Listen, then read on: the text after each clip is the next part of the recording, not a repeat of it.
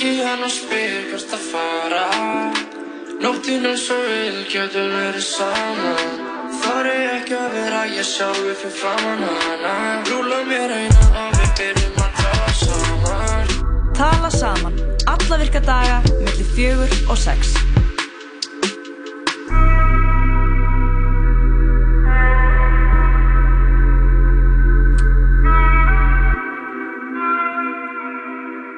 Já, hlustandi kær, hlustandi nær og fjær, Og góðu landsmenn. góði landsmenn, tala saman og með í loftið og við ætlum að fá að fylgja þér í gegnum þetta fallega síti. Jú, það er hér Ísak og Birna sem ætlum að leiða þig í gegnum í, já, í myrkrið. Það er náttúrulega, nú er myrkrið alveg að skella á. einmitt myrkrið fer að skella og þá kannski líka gerist eitthvað bara enn fegura en eh, var nú í hátteginu, það, það er bara svo fallegu dagur í dag og ég vil bara Og búið að vera. maður kann að meta svona fallega daga. Og um, núna einmitt við ætlum að fylgja ykkur inn í myrkrið og reyna að hafa það bara hugulegt saman. Mhm. það er mikilvægt og við erum hér bara til að, veist, gera það sem við gerum best. Já, snakka bara, saman. já, og halda utan um ykkur. halda utan um ykkur kæra fólk. En uh, framöndan er já, góður þáttur. Við ætlum að snerta á ýmsu í dag. Jú, jú, og farum víðan völl. Já, við ætlum að uh, tala um loftlagsvandan. Það er uh, allsherja lof, loftlagsverkfall framöndan. heldur betur, það er næsta föstudag og fjórða af sinni tegund en alla föstudag eru verkföll fyrir loftslægið og uh, svo hafa verið mitt fjögur svona allsherjar verkföll Mhm. og þá uh, fer svona allur heimurinn samanast og, og er með verkfall og uh, þetta verður næsta föstudag í hádeginu og Jóna Þórei Pétursdóttir kemur það til okkar eftir örskamastund og ætlar aðeins að segja okkur frá þessu og við ætlum aðeins að spyrja hana út í svona hvernig þetta hefur kannski breyst síðan þetta byrjaði, Mhm. hvernig þetta verður á föstudaginn og bara hvetja fólk sem er leiðist til að mæta Já, algjörlega. Þetta er eitthvað, þetta er eitthvað sem varðar okkur öll.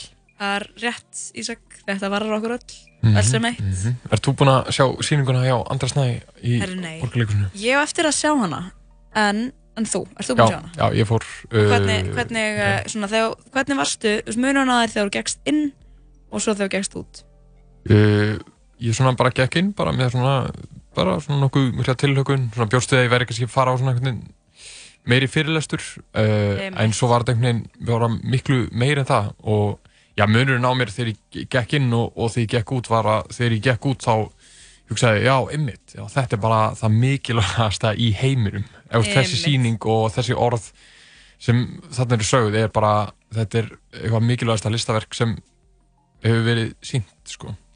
Uh, og bara verið sett á svið úst, þetta, er, þetta er eitthvað sem varðar okkur öll og bara svona, ég lappaði út og hugsaði, já það er bara tvent sem skiptir máli í heiminum. Það er bara svona uh, vináttu kærleikur uh, og svo að hugsa vel um jörðina okkar þetta er náttúrulega allt svona frekar dramatíst þegar maður segir, segir þetta svona en þetta er uh, þetta er bara eina sem skiptir máli sko.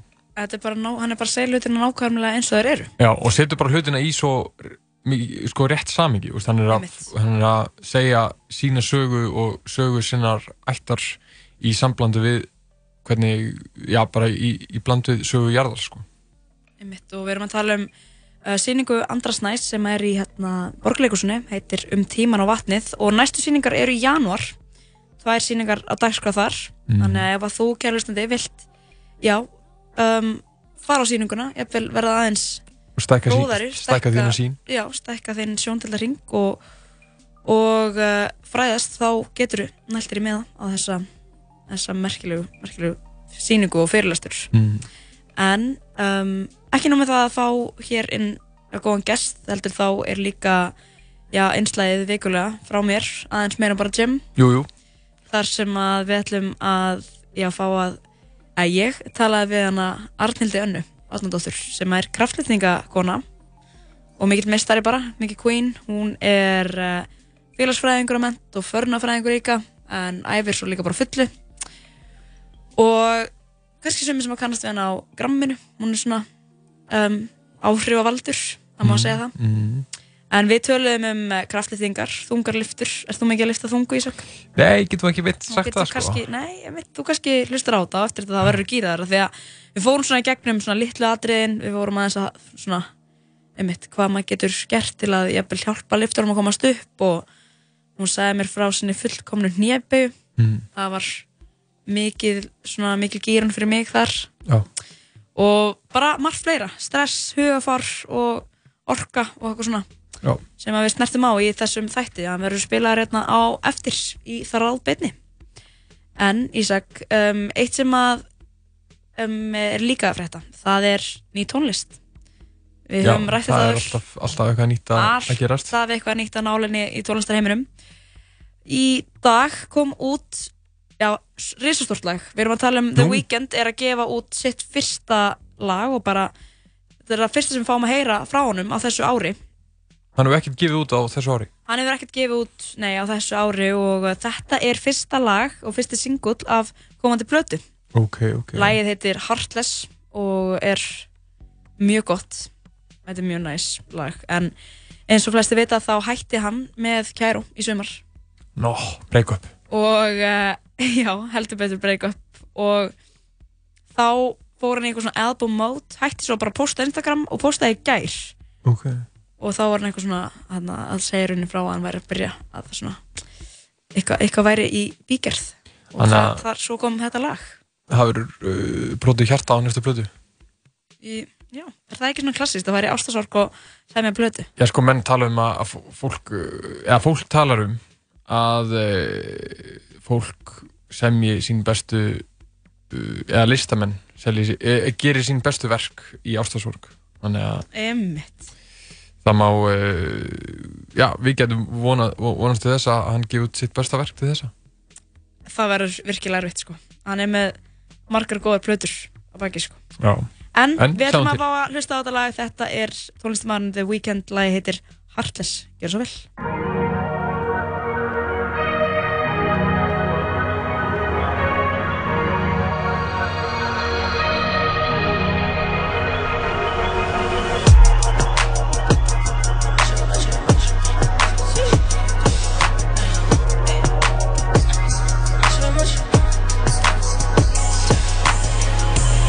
Never need a bitch, I'm what a bitch need. Tryna find the one that can fix me. I've been dodging death in the six feet. Amphetamine got my stomach feeling sickly. I want it all now. I've been running through the pussy, need a dog pound.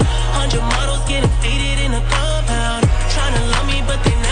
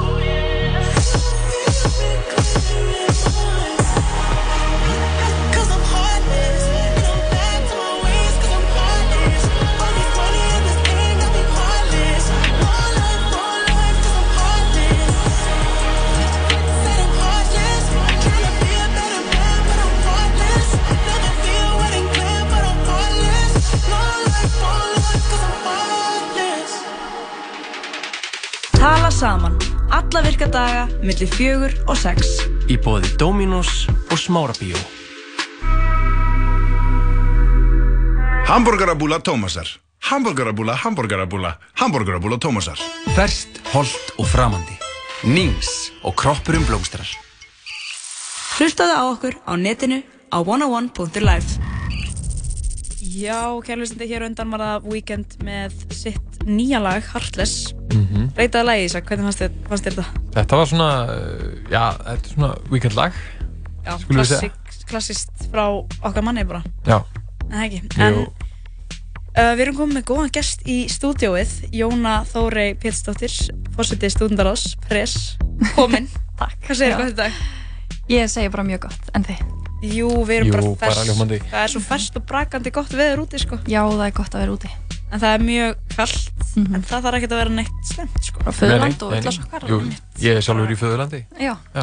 Það er ekki úr því, ég er í hérna flýspeysu mitt líka, þannig að, einmitt, klæða sér vel krakkar, það er, Mhm. það er mjög mikilvægt. En Jóna Þórey, þú ert komin hingað til að ræða, já, verkfall, eða verkfall fyrir lofslæði sem er á föstudaginn. já, allsherjar verkvall fyrir lofslæðið. Það hérna byrjar 11.45 hjá Hallgrímskirkju og við munum lappa niður sem sagt á Östuvöll þar sem að verður kakó í bóði og það verður hljóðkjöri á svæðinu og það, við munum heyra frá nokkrum aðalum meðal annars henni Aðalbjörgu Egilstóttur sem að er ungmennafulltrúi Íslands á lofslagsráðstöfnunni sem að hjá saminuðu þjóðunum og það verður smá dagskrá svona niður á Östuvölli en hérna já þannig að við erum bara mjög spennt og hvetjum allir til að koma í hátægis hliðinu sínu í kakó Einmitt, ætlaði að vera ekki svipa kallt þá.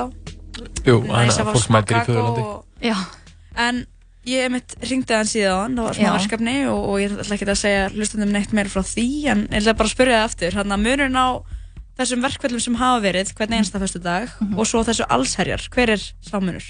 sko munurinn er sá að hérna á Íslandi þá erum við alltaf með verkvöld á föstudögum milli 12 og 1 þannig að það er alveg vikulegur viðbyrður sem að er alltaf í gangi á Östuvelli en allsherjar verkvöldin er í rauninni þeir föstudagar þar sem að Greta Thunberg sem að byrja þetta og stýrir svolítið Friday for Future reyfingunni uh, hún kallar þá bara alla til og segir bara nú fara allir út. Og þá á það sér í rauninni verkvöldin eiga þeir sér þá í rauninni bara stað á miklu fleiri stöðum og eru, verða alltaf í rauninni bara öfluri og það verður í rauninni smá svona herferði kringu það og, og hérna, já, bara samstaða um eitthvað ákveðið eins og síðast þá var bara mjög skýrt ákall af því að það var líka byrjað, hún byrjaði að tala fyrir síðasta allsherjarverkvalli með sko þryggja mánuða fyrirvara og þar var ákallið e, eldri kynsluðin komið með ungu kynsluðinni Einmitt. og við í rauninni gátum þá líka með mjög góðum fyrirvara farið að tala við fólk. Töluðum við eins og Kára Stefánsson og fengum Fririk Dór til að koma fram og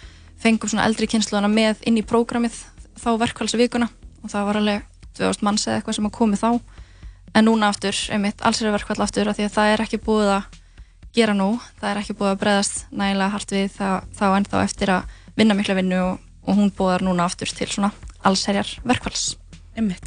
Og hvað er farið fram á? Svona, þú veist núna, þú veist hvert er, er eitthvað svona ákveðið uh, statement sem Já. farið með núna fyrst einn? Já, það sem sagt, hún fór á aðra ráðstöfnu sem sagt hjá saminuðu þjóðanum síðast þar sem að hún og 15 aðrir krakkar uh, í rauninni, hvort það var í lókraðstöfnunar fóru í mál við ríki að því að þau voru að brjóta gegn barnasáttmálunum að þeirra mati að því að þau eru að leggja líf, frið og heilsu ungmenna í hættu með því að breyðast ekki við. Og línan núna er í rauninni bara svo það er ennþá ekkert búið að gera. Það er ekki nógu róttakar aðgerður og ekki nógu róttakar yfirlýsingar búin að koma fram til þess að takast raunverulega á þennan vanda og við erum rauninni í verkvalli að því að það þarf að gera meira. Einmitt. Og þetta á alveg mikið við Ísland og, og fleiri þjóður? Já, ég myndi segja það. Við úr skipulagshópi verkfallsins þetta eru fjögur félög sem að standa að uh, skipulagi verkfallana og við hefum reglulega verið að funda með stjórnvöldum og í síðasta allseri verkfalli áttu við fund með Katrínu Jáksdóttur, Bjarnar Bindistinni, Sigurð Inga og Guðmund Inga, hann er fjórum ráþurum frá ríkistjórninni, þar sem að við vorum með bara ákveðna kröfur, bara það þarf að skrifa undir neðaryfirlýsingu, það þarf að fjárfesta meira í uh, aðgerðum gegn loslásóni og það þarf að gera aðgerðaráallun í samræmi við neyðarástand sem er náttúrulega ekki svo aðgerðaráallun sem við sjáum núna og við bara getið skrifað undir þessa kröfur og þið ætlið að koma til mótsvið okkur og þessu er nei þannig að það er heldur ekki hér verið í rauninni að hlusta eða svara með fullnægjandi hætti á okkar mati sko. En hvaða ástæður gefa þau fyrir að þau segja nei við því? Sko, þetta fer, fer nefnilega alltaf út í að hver á þeirra segja svona já, ég var nú að leggja til þetta hérna og þennan afslátt af þessum vaski og þessum tegundum af bílum og, og rafhlaupahjólum og, eh, nei, hlaupahjólum, rafhjólum og, og svo fer hinn næsti að segja hvað hann var nú að gera í sínum málflokki og, og svo segir maður, ok, ef þið teljið ykkur vera að gera nú og ef þið teljið ykkur vera að svara ástandinu í samræmi við að sé neðar ástand og þið þurfið ekki að gera þú veist, þið séu að gera þetta nú þegar Mhm. vil ég þá ekki bara skrifa undir það og, og staðfesta það hér með og gefa það út ofinbarlega með ákveðni yfirlýsingu og þá verður eitthvað nei uh, og þá verður einhvern veginn fátt um svör og þá verður bara útusnúningar sko. Einmitt. þannig að það er svolítið það sem við erum búin að vera að mæta þegar við erum að reyna að krefja um svör og aðgerir Einmitt. Eru þið þá með hugmyndir að ykkur um aðgerðum sem að væru, þú veist, svona bara líka fyrir, fyrir þau? Já, það, við gerðum svona drög að aðgerðaráallun sem að var í rauninni bara mjög gróf, gróft kickstart fyrir þau til þess að geta farið að vinna út, út frá. Af því að það var einmitt svolítið það sem að hérna, þau notuðu gegn okkur eða veist, til þess að stoppa umræðan og bara Já, en hvað þýðir þetta nú eiginlega? Og maður svona, þið eru stjórnvöld, þið getið ákveðið hvað felst í neðariflýsingun ykkar, skilur Já, En ok, við skulum þá bara vinna vinnuna fyrir ykkur og komum með drög að nokkrum tillögum sem að einn sam, félagssamtökin sem að koma að þessu eru ungir umhverjarsinnar og þau eru með svona mikla sérþekkingu á þessu málum, svona aðgerð sem verður hægt að grípa til. Og það er bara til dæmis, þú veist, banna innflutning á jarðefna elsneiti uh, einhvers konar grænir kvatar fyrir fyrirtæki sem eru að eru orðin kolumsluttlaus strax bara núna. Um, hvað var meira? Já, banna ólíuleit á Íslandi voru alls konar hugmyndir sem var ekki eitthvað svona konkrét bara þetta skulið gera og þá erum við orðin góð heldur bara getið eitthvað unni með þetta. Og það er unni fór alveg inn í sko nefndina sem er að gera aðgerra í loslasmálum og við erum búin að funda með þeirri nefnd sem er að gera aðgerra núna. Og fórum frekar hart fram þar bara með þessa gröfur, hvort það verður gett að taka til til þeirra. Og þá var alltaf nefndin bara, það þarf nú að vera pólitísku vilji og það er allir að kasta boltanum einhvern veginn á milli sín þú veist. Þannig að, já Ok, við hérna, við langar að spila eitt lag og við höldum áfram Mhm. af því að, eh, já, við sækjarum með já, fleiri spurningar Já. Jú, jú. Nóa spurningum En uh, ég seg, þú vildir heyra gamalt, eða gamalt lag eldra lag frá GTRN Jú, jú, jú, jú. Þetta er GTRN og Ratio lagið hittir Komdu yfir Komdu yfir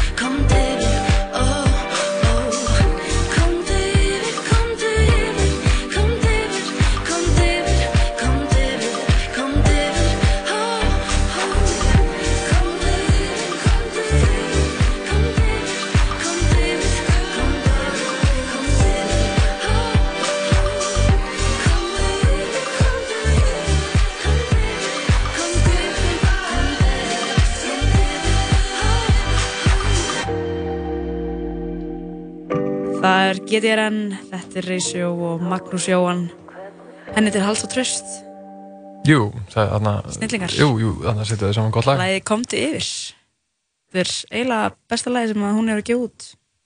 Já, og er nú meira á leiðinni Hún er er alltaf að eh, byrta eitthvað nýtt Ef við tölum ekkert meira um það. Nei, nei. Við erum að tala um eh, stærri og mikilvægri mál Það er þetta rétt. En Jóna Þóra Pétursdóttir situr hérna hjá okkur og já, við erum að tala um svona, við erum eiginlega mest bara að tala um sko loftslags svona ástandið Mhm. en af því það er allsherjar verkfall fyrir loftslagið á föstudaginn Já. og við erum búin svona að vera að tala um hvernig það gengi að ræða við stjórnvöld en svo kannski svona í kjölfarið bara hvað geta vinnustæði gert og líka eru finniði fyrir að fyrirtæki séu kannski að hveti fólk til þess að mæta á verkföllin Mm. eða hvernig Það er búið að vera mjög misjáft en það hafa fyrirtæki eins og Rauði krossin kom á eitt verkfall Mhm. uh, og voru Úp, Rauði krossin Rauði krossin kom sem sagt og voru með uh, skilti og voru mert fyrirtækinu Rauða krossinum sem er að því að lofslagsmál eru líka mannréttindamál og jafnbreytismál uh, þau bytna vest á minni hlutahópum uh, hamfaralínun þar að segja. Og þau komu og svo höfum við í rauninni fengið spurningar frá hinnum ímsu sko, stafsmönnum fyrirtækja bara ef að ég myndi hérna fá leifi frá vinnustæðinu mínum til þess að pitcha því að við mætum öll, væri það í lægi veist, og við erum auðvitað alltaf bara já, klálega og bara ef þeir eru mert þá er það betra, mér að segja. En það er rauninni uh, ekki búið að gerast að komi fleiri mertir vinnustæðanum sínum en vinnustæðir hafa alveg hópað sér saman og komið. Mm. svo við fengið fundarbóð frá í rauninni fyrirtækjum til þess að ræða okkar kröfur og hvernig atvinnulífið að fyrirtæki geta komið til mótsviða eins og landsvirkjun. Við hittum þau og áttum mjög góðan árugsríkan fund með þeim. Og höfum líka, ég hef bara fundið í háttegin í dag með fyrirtæki sem er að vinna sjálfbæri þróun annara fyrirtæki sem er í rauninni ráðgjafa fyrirtæki fyrir fyrirtæki. Eh, í þessu.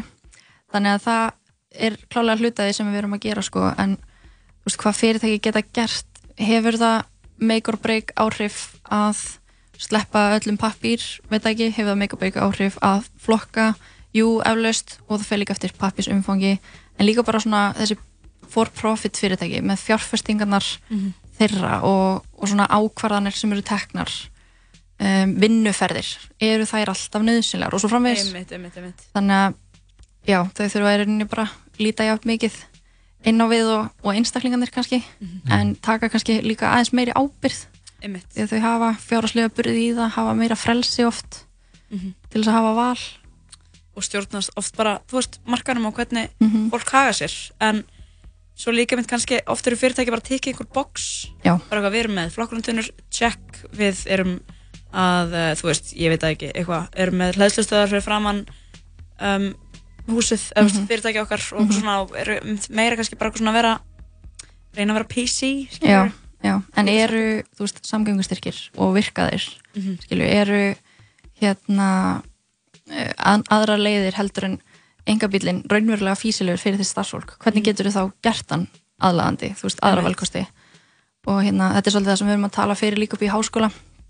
Bæði varandi stúdenta og að starfsfólk myndi þá falla undir það líka að fá svona almenningssamgöngu passa fyrir alla.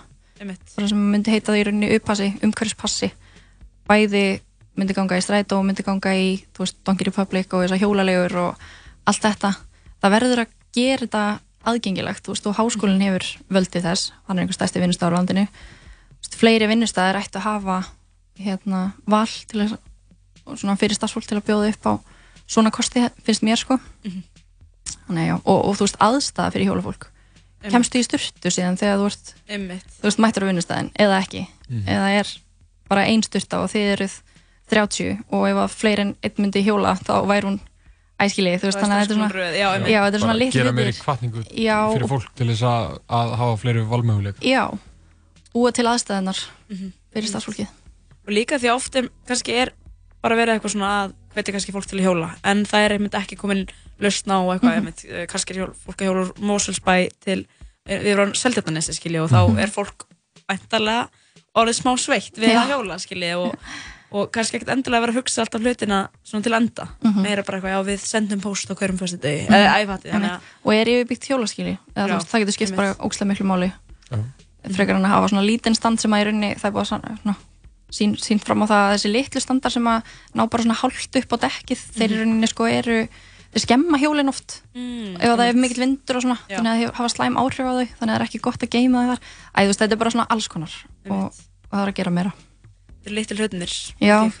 en svona að, eh, já, lokum á förstu daginn, komum aftur að því Mhm. þá er þetta allserjar loftlagsverkfall Já. og það hefst hjá Hallgrímskirkju Já, uh, 11.45 ætlum við að byrja að lappa frá Hallgrímskirkju niður á Austuvöll Mhm. og eins og ég segi, á Austuvölli verður það verður mjög hérna svona kósi náinn stemming, við munum vera með kakó, það verður hljóðkerfi og nokkra ræður og, og bara ætlum að sapnast þarna saman í samstöðu verkvalli fyrir loslæðið. Nákvæmlega, við bara hvetjum alla til þess að því að láta sjá sig Jóna Þóri, takk hérlega fyrir komuna Takk fyrir mig. Can't ball in a life, man. Go on with it, but go on with it. Yo, Izzy, are you kidding me? Toast, yeah. Blessings we are reap and we coursing on full. Oh, we not rise and boast. Yeah, we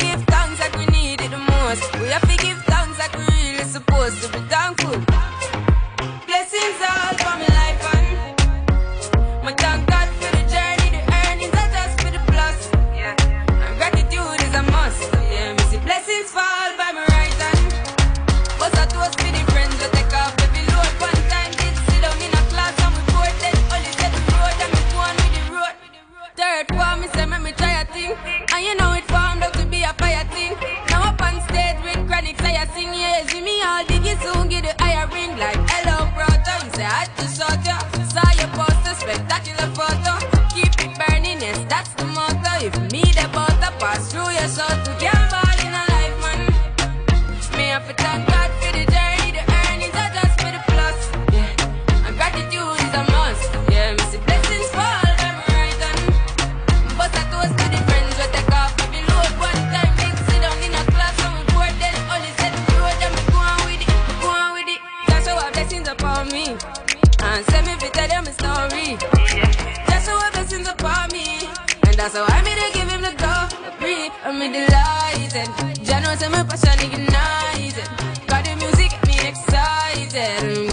boys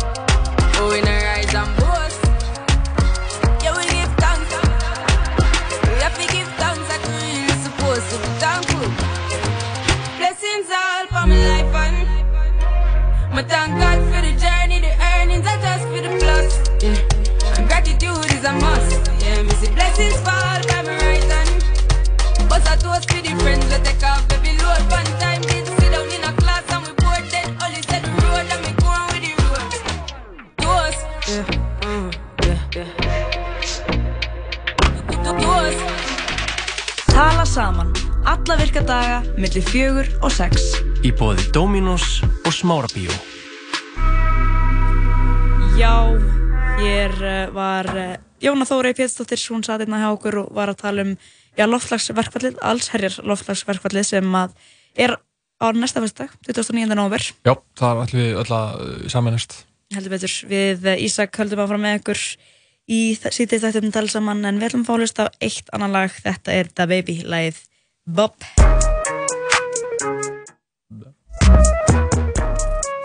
know everybody been waiting on that baby, man. I mean, it like ever since baby on baby drop, man. Ever since baby you know, ain't nobody drop shit. Let's go. Ha. I needed some shit with some bop in it. I flew past the whip with that blunt in my mouth, watched it swerving. That whip had a cop in it. My bitch got good pussy, fly her across the country. I finished the show and I hop in it. I got me a milli, I did it legitly. I'm still with the shits, I'm a hot nigga. Oh, you asking for pictures with niggas? What's your name? Get the fuck out the spot, nigga. Tryna figure which deal Take. Uh-huh. I woke up, couple meal on my plate. Let's eat. I'm investing in real estate. Uh-huh. I just went and gave my mama a hundred. Uh-huh. Probably won't hear me open my mouth, bless you hear me talking about finding some money. Let's go. As soon as I found that, I flipped that. Flip. I'm a little bit different, they get it. No, I'm stiff on the bitch and she dig. Tryna find out why baby ain't all in the mentions. No, she ain't get no DM from me. Bitch, this rich nigga dick, it ain't free. She be throwing that at, yeah, she good at it. Turn around when we fuck, make her look at it. Uh, she like, ha. I needed some shit with some bop in it. Let's go. I flew past the whip with that blunt in my mouth, watched it swerving. That whip had a cop in it. My bitch got good pussy, fly her across the country. I finished the show and I hop in it.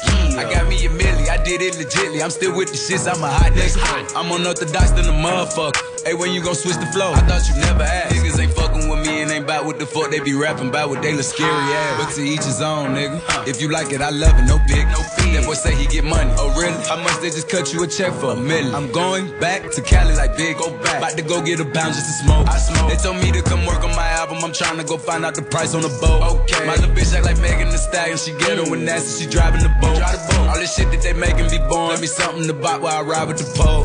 Here you go. okay, okay. I needed some shit with some bop in it. I flew past the whip with that blunt in my mouth, watched it swerving. That whip had a cop in it. My bitch got good pussy, fly her across the country. I finished the show and I hop in it. I got me a milli, I did it legitly. I'm still with the shits, I'm a hot nigga.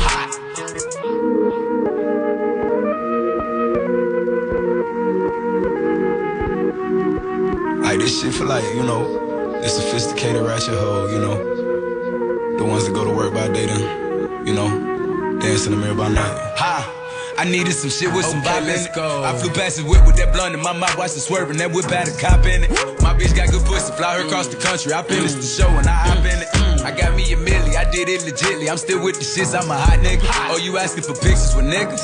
What's your name? Get the fuck out the spot, nigga. Tryna figure which deal I'ma take. I woke up, couple meal on my Ótakmörkuð símtöl og SMS 60 GB á aðeins 2990 krónur Sambandi Símafélag framtíðarinnar Mmm, þetta er góð matur. Skál, hlemur matöll.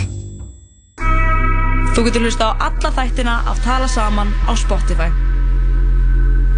Heldur betur tala saman með þér í þessum, á þessum fallega miðviti. Já. Ísak Már Henriks, já, einmitt. Mástóttir með þér og eh, við erum í ja, góðum feeling. Já, ekki góð bara? stuði. Hefur þú hort á hana klófun eða klán? Klón? Uh, já, ég hef uh, eitthvað fylgst með þessu, ekkert kannski eitthvað svona verið að bingja, en, en jú, jú, þetta er fyndið, mjög fyndið. Það er sko að koma nýmynd og hún Ný gerist, uh, já, þeir hafa gert tvær kvímyndir aður og það er að koma nýmynd á næsta ári og það var svolítið að koma trailer uh, eða svona teaser uh, af myndinni. Og þetta er, uh, myndin gerist sko á Íslandi að, hluta til. Og þeir voru vist hérna í oktober að taka upp eitthvað fyrir utan bláa lónið og eitthvað. Og þess að myndi fjallar um 50 sammali Frank. Og Aha. þeir eru og í, veist, í hérna tísarnum eða stilkunni þá uh, segja þeir frá því að þeir séu á leið til Íslands og svona svona mjög Það fyndið er svo og ske- gaman skemmtilegt þegar þau eru að sko. tala um Svo gaman Ísland. Ísland, á leið til Ísland uh, Nei, en þú veist það, það er, það er líka bara, það eru fullt af bíómyndum í, sem eru að koma til landsins núna, á, þe- eða eru búin að vera hérna á þessu landi Já, á þessu Í fallega landi sem við landi. eigum Eh. en þessir félagar um, hvað er, Frank og Kasper eða eitthvað þeir, eru, þeir eru ansi fyndir, þeir mega eiga það og uh, þetta eru alltaf mjög skemmtileg þettir Mhm. og þeir heita, þeir heita bara í sama, þeir heita í alvörinni Já. uh, Frank Já, einmitt. og uh, Kasper Kristjansen svolítið svona eins og í þarna venjulegt fólk þáttunum Já, þá heita heita, heita þær líka sína eigin nöfnum en svo heita, sko, held ég flest allir aðrir öðrum nöfnum sko.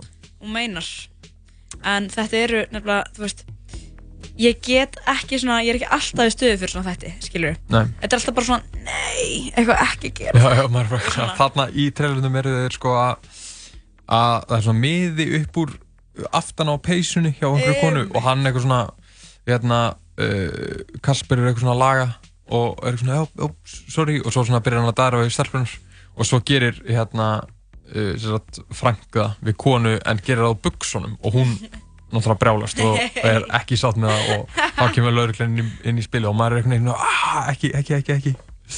En þetta er, þetta er, þetta er gaman að þessu sko. Það er virkilega gaman að þessu.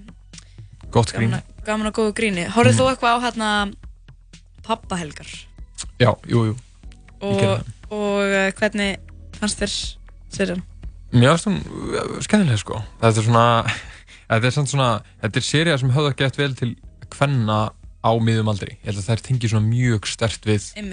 Þessa seríu sko en á sama tíma þá er þetta samt líka eitthvað svona aðstæðir sem maður getur alveg séð fyrir sér sko. Já, þetta er svona mjög þetta er rosalega íslenskt Já, og mjög mikil svona raunveruleikin tekin alveg Já, og bara það er bara Vesturbærin og Melabúðin og, og Mhm. eitthvað svona þú veist, eitthvað svona smá djammeri á á fólkinu Já. og eitthvað svona Og eitthvað konur á klósettinu og svona Já, og þetta er frekar mikill einmitt svona raunveruleikin sko. Já, uh, hjá sömum kannski. Já.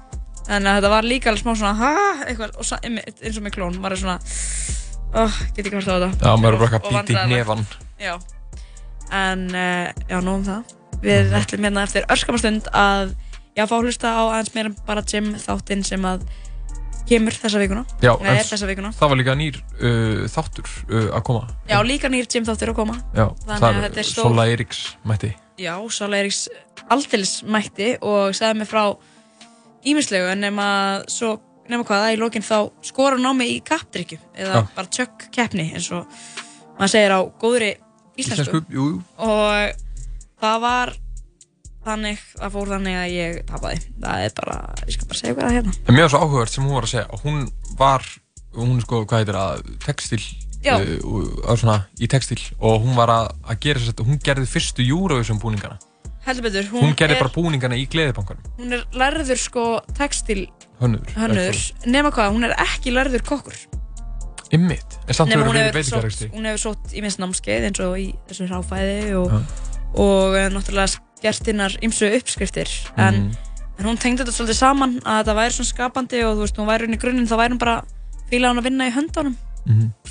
þannig að, þú veist, ef maður pælir í að vera eitthvað svona að sauma og búa eitthvað til og vera svo elda kannski svipað, þetta er svona, já, þetta helst í hendur sko. Hún er með þetta í blóðinu. Hún er með þetta í blóðinu. Þetta í blóðinu. En við ætlum að fá að hlusta á eitt lag og svo um, hefst hvað, fymti þáttur af aðeins meira bara Jim Já. Nei, sjötti þáttur. Já, Nei, sjötti. nú veit ég ekki, allavega. Að uh, Nei, eitthvað er það það sem að ég spjallaði hana Arnhildi Önnu. En við ætlum að fá hlusta eitt gammalt og gott. Þetta er MGMT þetta er Electric Feel. Gjör svo vel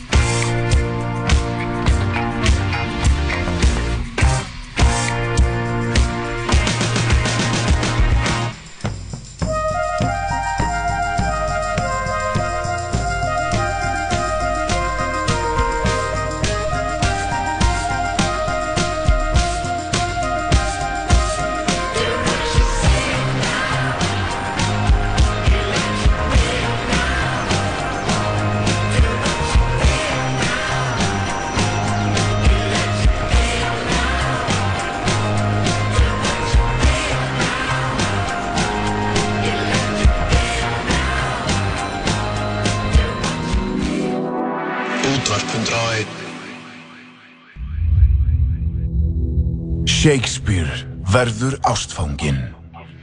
Ástir. Ég læt ekki taka þið frá mér. Aldrei.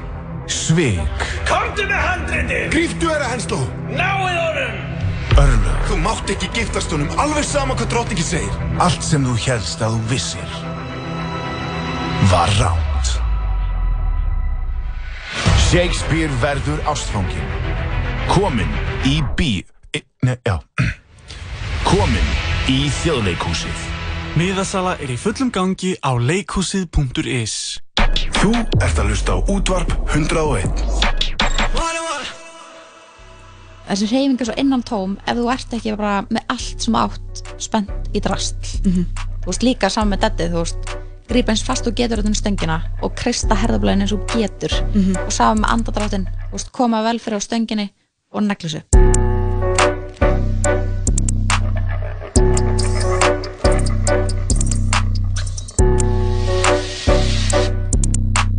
Já, góðan daginn, kæri hlustandi. Í þessum þætti af aðeins meira bara Jim er ég komið með eina velsterka.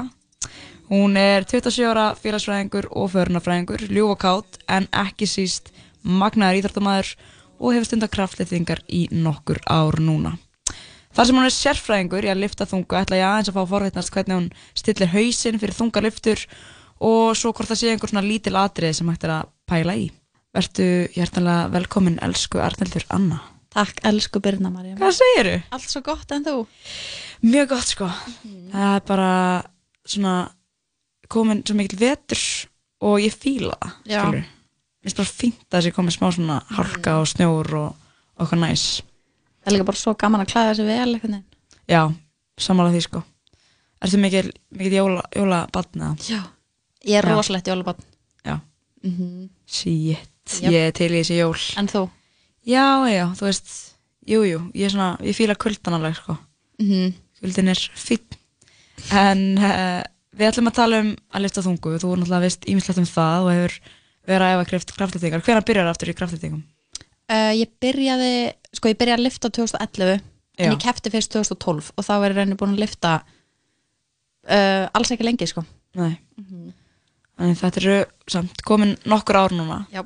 Tíminn hvað líða. tíminn flýgur Já. Ég fæ alltaf smá eh, svona sjokk þegar ég er búin að fatta hvað ég er búin að lifta lengi Einmitt. Svo svo fyndi að pæli eftir á eitthvað svona hvað maður hefur ennst lengi í einhverju. Já. Og þá Mhm. fattar maður hvað, hvað mann finnst þetta gaman. Einmitt. Þó þetta getur verið strempi stundum. Já. En þú ert ennþá að æfa í dag. Já. Og uh, ennþá að lifta þungu mun þingra en ég lifti. Er nú líka mun þingra en þú Na, það, það er samt svona, ég þarf að, ég með langar að komast í eitthvað svona, vera með eitthvað gott deadlift miðað við minn þingdaflokk, sko. Mhm. Veit ekki alveg hversu þungt það er. Mæ, hversu þung? Ég er svona 57 eða eitthvað. Já.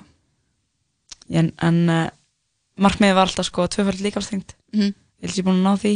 Já. Hvað áttu, 100 og- Þannig að ég þarf bara að byrja að þingja mig þannig ég þarf að taka. en ég er 115 og Já. ég get ekki beðið eftir að, að toppa það. Geðveikt. En nógu mig, Arnildur, við ætlum að, við ætlum að tala um þig og þú ætlar að, þú ætlar hérna, já, að uh, segja okkur aðeins frá því svona hvernig uh, það er að lifta svona þungu, af því að það er ýmislegt sem þarf að huga að og ýmislegt sem maður getur kannski líka hjálpað þó að sé bara andlegt eða eitthvað svo leiðis. Mhm. Kannski áður en höldum eitthvað lengra, bara kraftliftingar, hvað, hvað er það svona í grunninn? Sko, það er svo þrjáliftur Það er Mhm. hnepe, backpressa og resturlifta og ég sérst keppi öllum þessum greinum þremur og í þessari röð og sérst á móti þá færðu þrjár tilraunir í hverju grein. Þannig eru nýju lyftur og sem hljómar ekki mikið en um, þetta tekur náttúrulega rosalega á þú veist, Mhm. þú ert að klára hvern einasta orku dropa sem þú átt í líkamanninum og hérna, þetta er allt svona líka rosalega stórar æfingar sem hérna, stóru veðarnir vinna Já. Hanna, já, þetta er alveg hark Einmitt. en sjúklega skemmtilegt og kannski einmitt, maður er svolítið, þú veist, meðan hann þetta er svo mikil kraftur og mikil orka sem fer í bara hverja einustu lyftu þannig að Mhm. nýju lyftur er alveg mjög mikið Jáp. og maður er ekki að fá neina svona hjálp þetta er svona oft mjög dauðar lyftur, skilur Já. að maður er ekkert eitthvað svona að hoppa eða þú veist, fara eitthvað undir eða þú veist, þetta er ekki svona Mhm. eitthvað að droppa eitthvað svona, Nei. kannski eitthvað svona smá en þetta er samt þarna einmitt, maður er svolítið bara einn með stöngina Mhm. og það er bara það rullast með hana upp. Já, og það er líka sem ég fíla við þessa íþrótt, það er ekkert breytilagt þú veist nákvæmlega að hverju gengur það er bara þessi stöng, hún er svona þung það er þetta lóð sem er svona þungt. Og það er ekkert öðruvísi á keppnistegi heldur en á æfingu. Nei, og það er eitthvað sem ég hef líka alveg þurft að pæla í og sem var svona minn styrkleika því ég var alltaf rosalega stressuð. Já.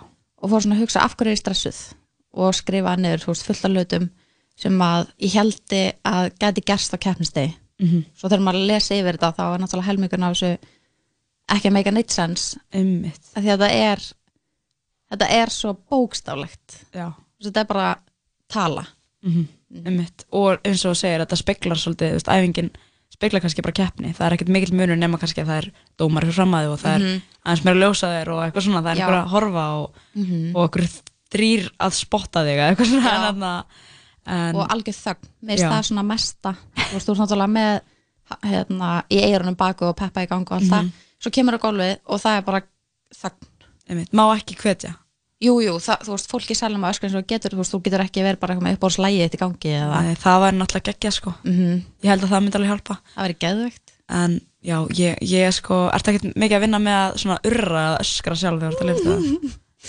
Nei, mér finnst það fyrst fannst mér að sjúkla fáránlegt. Í mann fyrsta skipti er að heyrðist eitthvað svona smá hljóði í mér þungrupi eitthvað svona þótt það var bara pingu lítið sko. Mhm. þá var ég bara ógvöð en svo svona veist, af hverju ekki, skilur. Einmitt. þetta er bara sjúkla kúl einhvern veginn að standa upp með þessa þyngd eitthvað og sama hvað, þú veist, fólk hefur pissað á sig sko.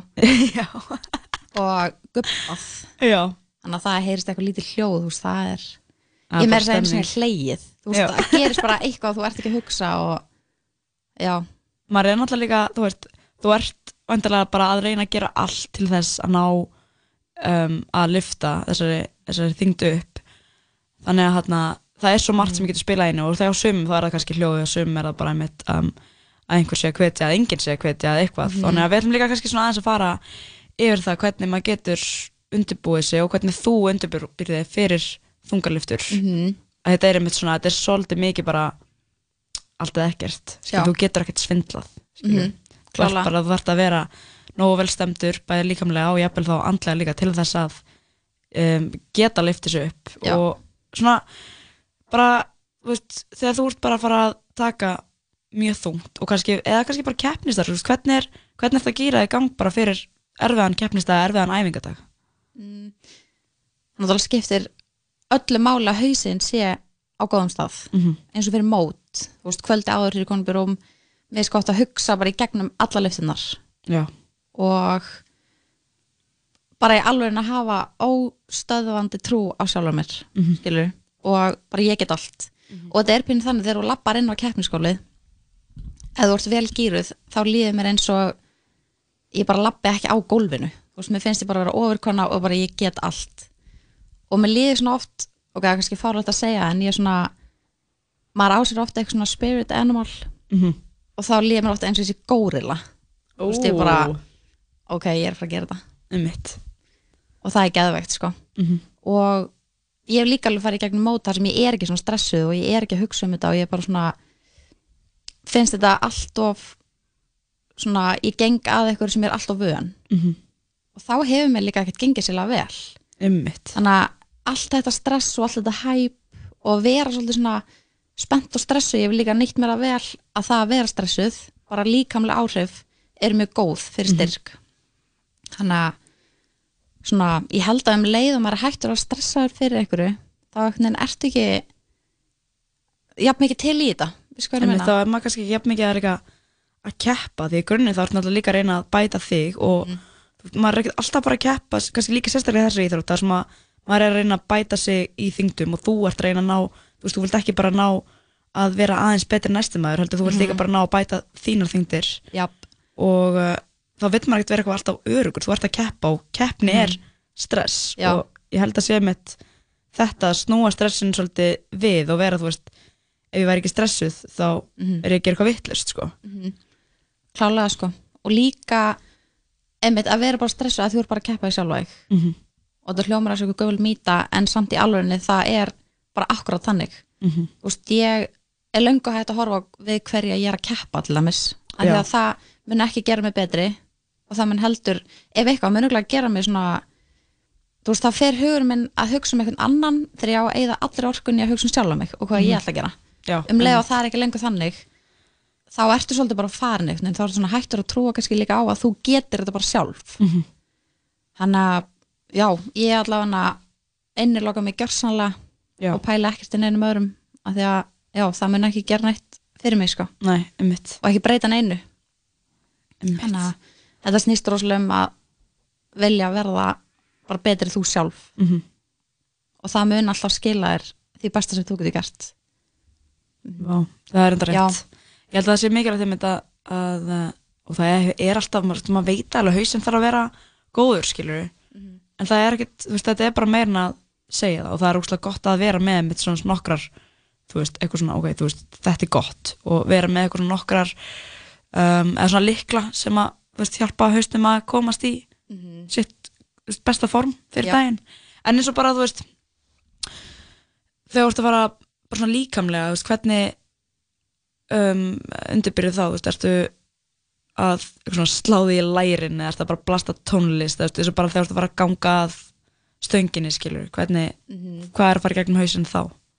eins og bara æfingu Já, já, já. bara þú ert að fara að taka eitthvað veist, erfiða lyftu um, mér, maður þarf að vera svolítið aggressífur Já. þetta er bara þann sport Mhm. þú veist, ég get ekki bara að lappa upp að þessu og vera bara alveg salla róleg og bara, já, nú gerir þetta bara Mhm. skilur ég fíla alveg að þú veist, klappi lærina mér að fá að klappa á bakið og þú veist, eitthvað massa pepp sko Mhm. og það líka að einhver annar sé að horfa á þig það allavega virka fyrir mig þú veist það er svona hvet mig ekstra mikið bara djöðlega það ég gera þetta Mhm. og sérstaklega þá á móti getur ímyndar þú er bara ein á þessum palli og þrýr dómar að fylgjast með, allir salun er að fylgjast með maður vill svo mikið gera þetta Mhm. og ég er svona en já, eins og með líkamlega undirbúning þú veist, þegar þú veist að fara að maksa í einhverju lyftu og sérstaklega svona fyrir mót sko. veist, þetta er alveg marga vikur sem fara í svona venjulega uppkerslu Já. og þú ert auðvitað ert að vinna þungt og þú ert rosalega þreytt en þú ert á sama tíma líka að byggja upp geggjan styrk Einmitt. Þannig að þú sérst að píka á okkur Já. settum tíma á réttum tíma en það er líka sem ég finnst ótrúlega kræfandi er að mæta allir á keppnistað og vera að fara að lyfta eitthvað þingdum sem ég hef ekki verið að snerta áður Mhm. skilur Einmitt. og það hræði mann rosalega mikið að hugsa guð minn góður, bara ég hef aldrei þessu áður bara muni geta það Mhm. þannig að í uppkesslu finnst mér samt líka mjög þægilegt að þetta hafa farið bara svo svolítið nálagt þessari Já, þing svo að það sé ekki að fríka mann svona út það er svona blandast þá líka inn bæðið veist, fyrir líkamann og fyrir Já. það er líka svo eitthvað auðvelt að missa það er svo gott að vita að maður geti gert eitthvað Mhm. en svo vil maður mitt heldur ekki vera eitthvað svona of örugur eins og vorum að ræða þetta með þú veist stressi, þannig vil maður þá vera eitthvað svona ú, ætti ég geta, ég veit Já. ekki maður vil heldur ekki vera eitthvað svona, já, ég tók þetta í gær þetta er bara Mhm. sama, eða í síðustu viku, þetta er bara sama ég var að gera þá, eitthvað þú veist, það er fínt stundum en, en þá ætla maður að gera eins og með þessa íþrótt og þá setur maður aðeins þingra Mhm. eða bara eitthvað örlítið þingra og segjum þetta veri, þú veist að hlaupa 5 km, þú hefur kannski hlaupið 5 km áður en nú ætlar að gera aðeins þar þú ætlar að Mhm. hækka peysi aðeins, þú veist, bara að gera þetta einhvern veginn svona eitthvað markmið aðeins meira krefjandi Mhm. það sem er mikilvægt þetta er svo fyndið, þú veist þú ert með eitthvað þyngd og þú ætlar að bæta við kannski 5 kílóm Mhm. og þú heldur á 5 kílóm Já. og þetta er ekki neitt þetta er bara svo að taka upp bónusbóka eða eitthvað en svo þú setur það á stöngina og hausinn veit af því sko Mhm. Það getur verið mjög trikki Mhm. maður er bara, ó guð, þetta eru auka 5 kíló. Og hlutvarslega fyrir konur er það náttúrulega alveg mikið. Þú veist, 5 Mhm. kíló bæting er geðveik sko, þetta er náttúrulega bara hænuskref. En það er mjög fyndið sko. Og ég man alltaf eftir einu sinni var ég að keppa og vikuna eftir ég var sérst að vera að keppa með svolítið stuttum millibili. Mhm. og vanlega gerir ég það ekki en ég bara svona tók sensin og að slá til. Og mættu æfingu og ég tók 5 kíló minna en ég hefði tekið á mótinu í þristum Mhm. og streppaði þrisasunum Einmitt. að þess að vita af því, veist, ég bara setti vittlust á stöngina sko. já, já, og það situr svo í mér og ég man ég var bara okkur hausinn þú veist, hann veit ekki alveg líka að þessi líkamenn getur gert sko. Nei, einmitt Hann er bara að hugsa um eitthvað öryggi sko Já. hann ándjóks bara að reyna að bjarga mér en líka minn bara, þetta var ekkert mál Mhm. þannig að ég held að við getum alltaf miklu meira en hausin okkar segið til sko Já, ég held það líka Mhm. Þetta er að gamla þessu Ég hérna er aðeins og gýri núna Mér langar svo mikið að fara bara á æfingu sko Mhm. En um, án við höldum lengra Það er nóg, nóg sem ég hef að spurja sko Mér langar að fara svona aðeins í hérna svona Þú veist, bara svona æfingaferlið Og kannski líka hvernig maður einmitt getur um, Tekið þessa uppkyrslu Og hvernig, æfing Munurinn á æfingum eftir því hvort maður sé eitthvað reyna að maksa sig Eða bara styrkja sig Að taka svona hliðaræfingar eitthvað svona Jáp.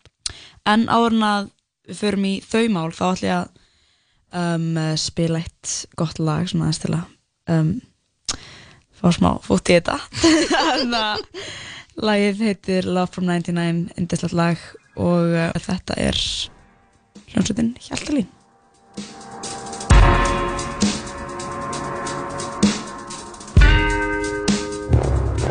It's morning and we're blue. Cause what happened all night through was made for me and you. And now it's gone. There's a certain kind of love that will show us the way. So when your lips meet mine, I know I'll ask.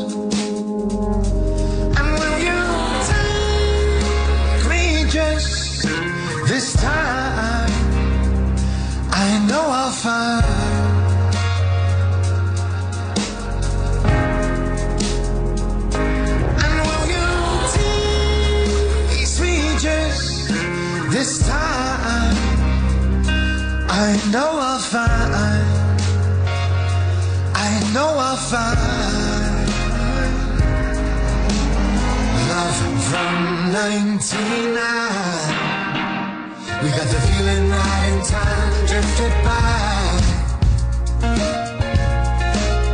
What kind of fool am I to let the world go by and lose another smile? What kind of lips were those who lied with every kiss and now I feel the mist? It's time for love from 99. A life, but we had to say goodbye.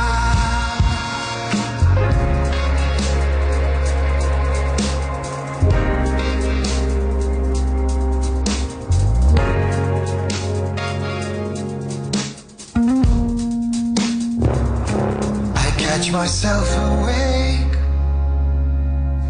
in the middle of the night. The bed is empty by my side once again.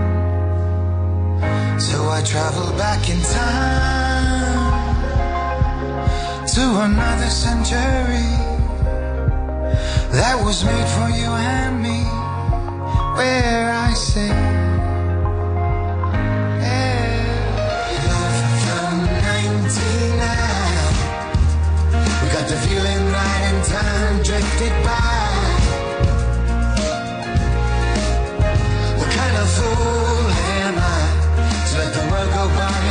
another smile? What kind of lips were those lied with every kiss and now I feel the miss? It's time for love from 99. We got to dream a life, but we had to say goodbye.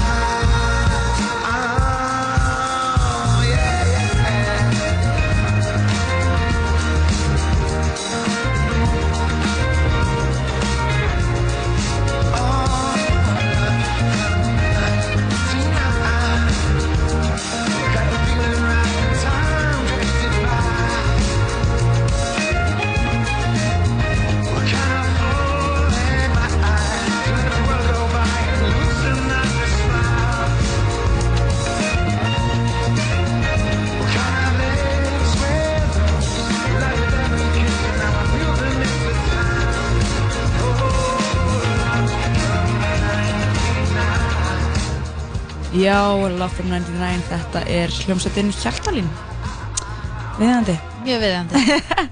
En Artildur Anna situr hérna hjá mér og eh, við erum að ræða þungar liftur, alls ekki leiðilegt. Mm -mm.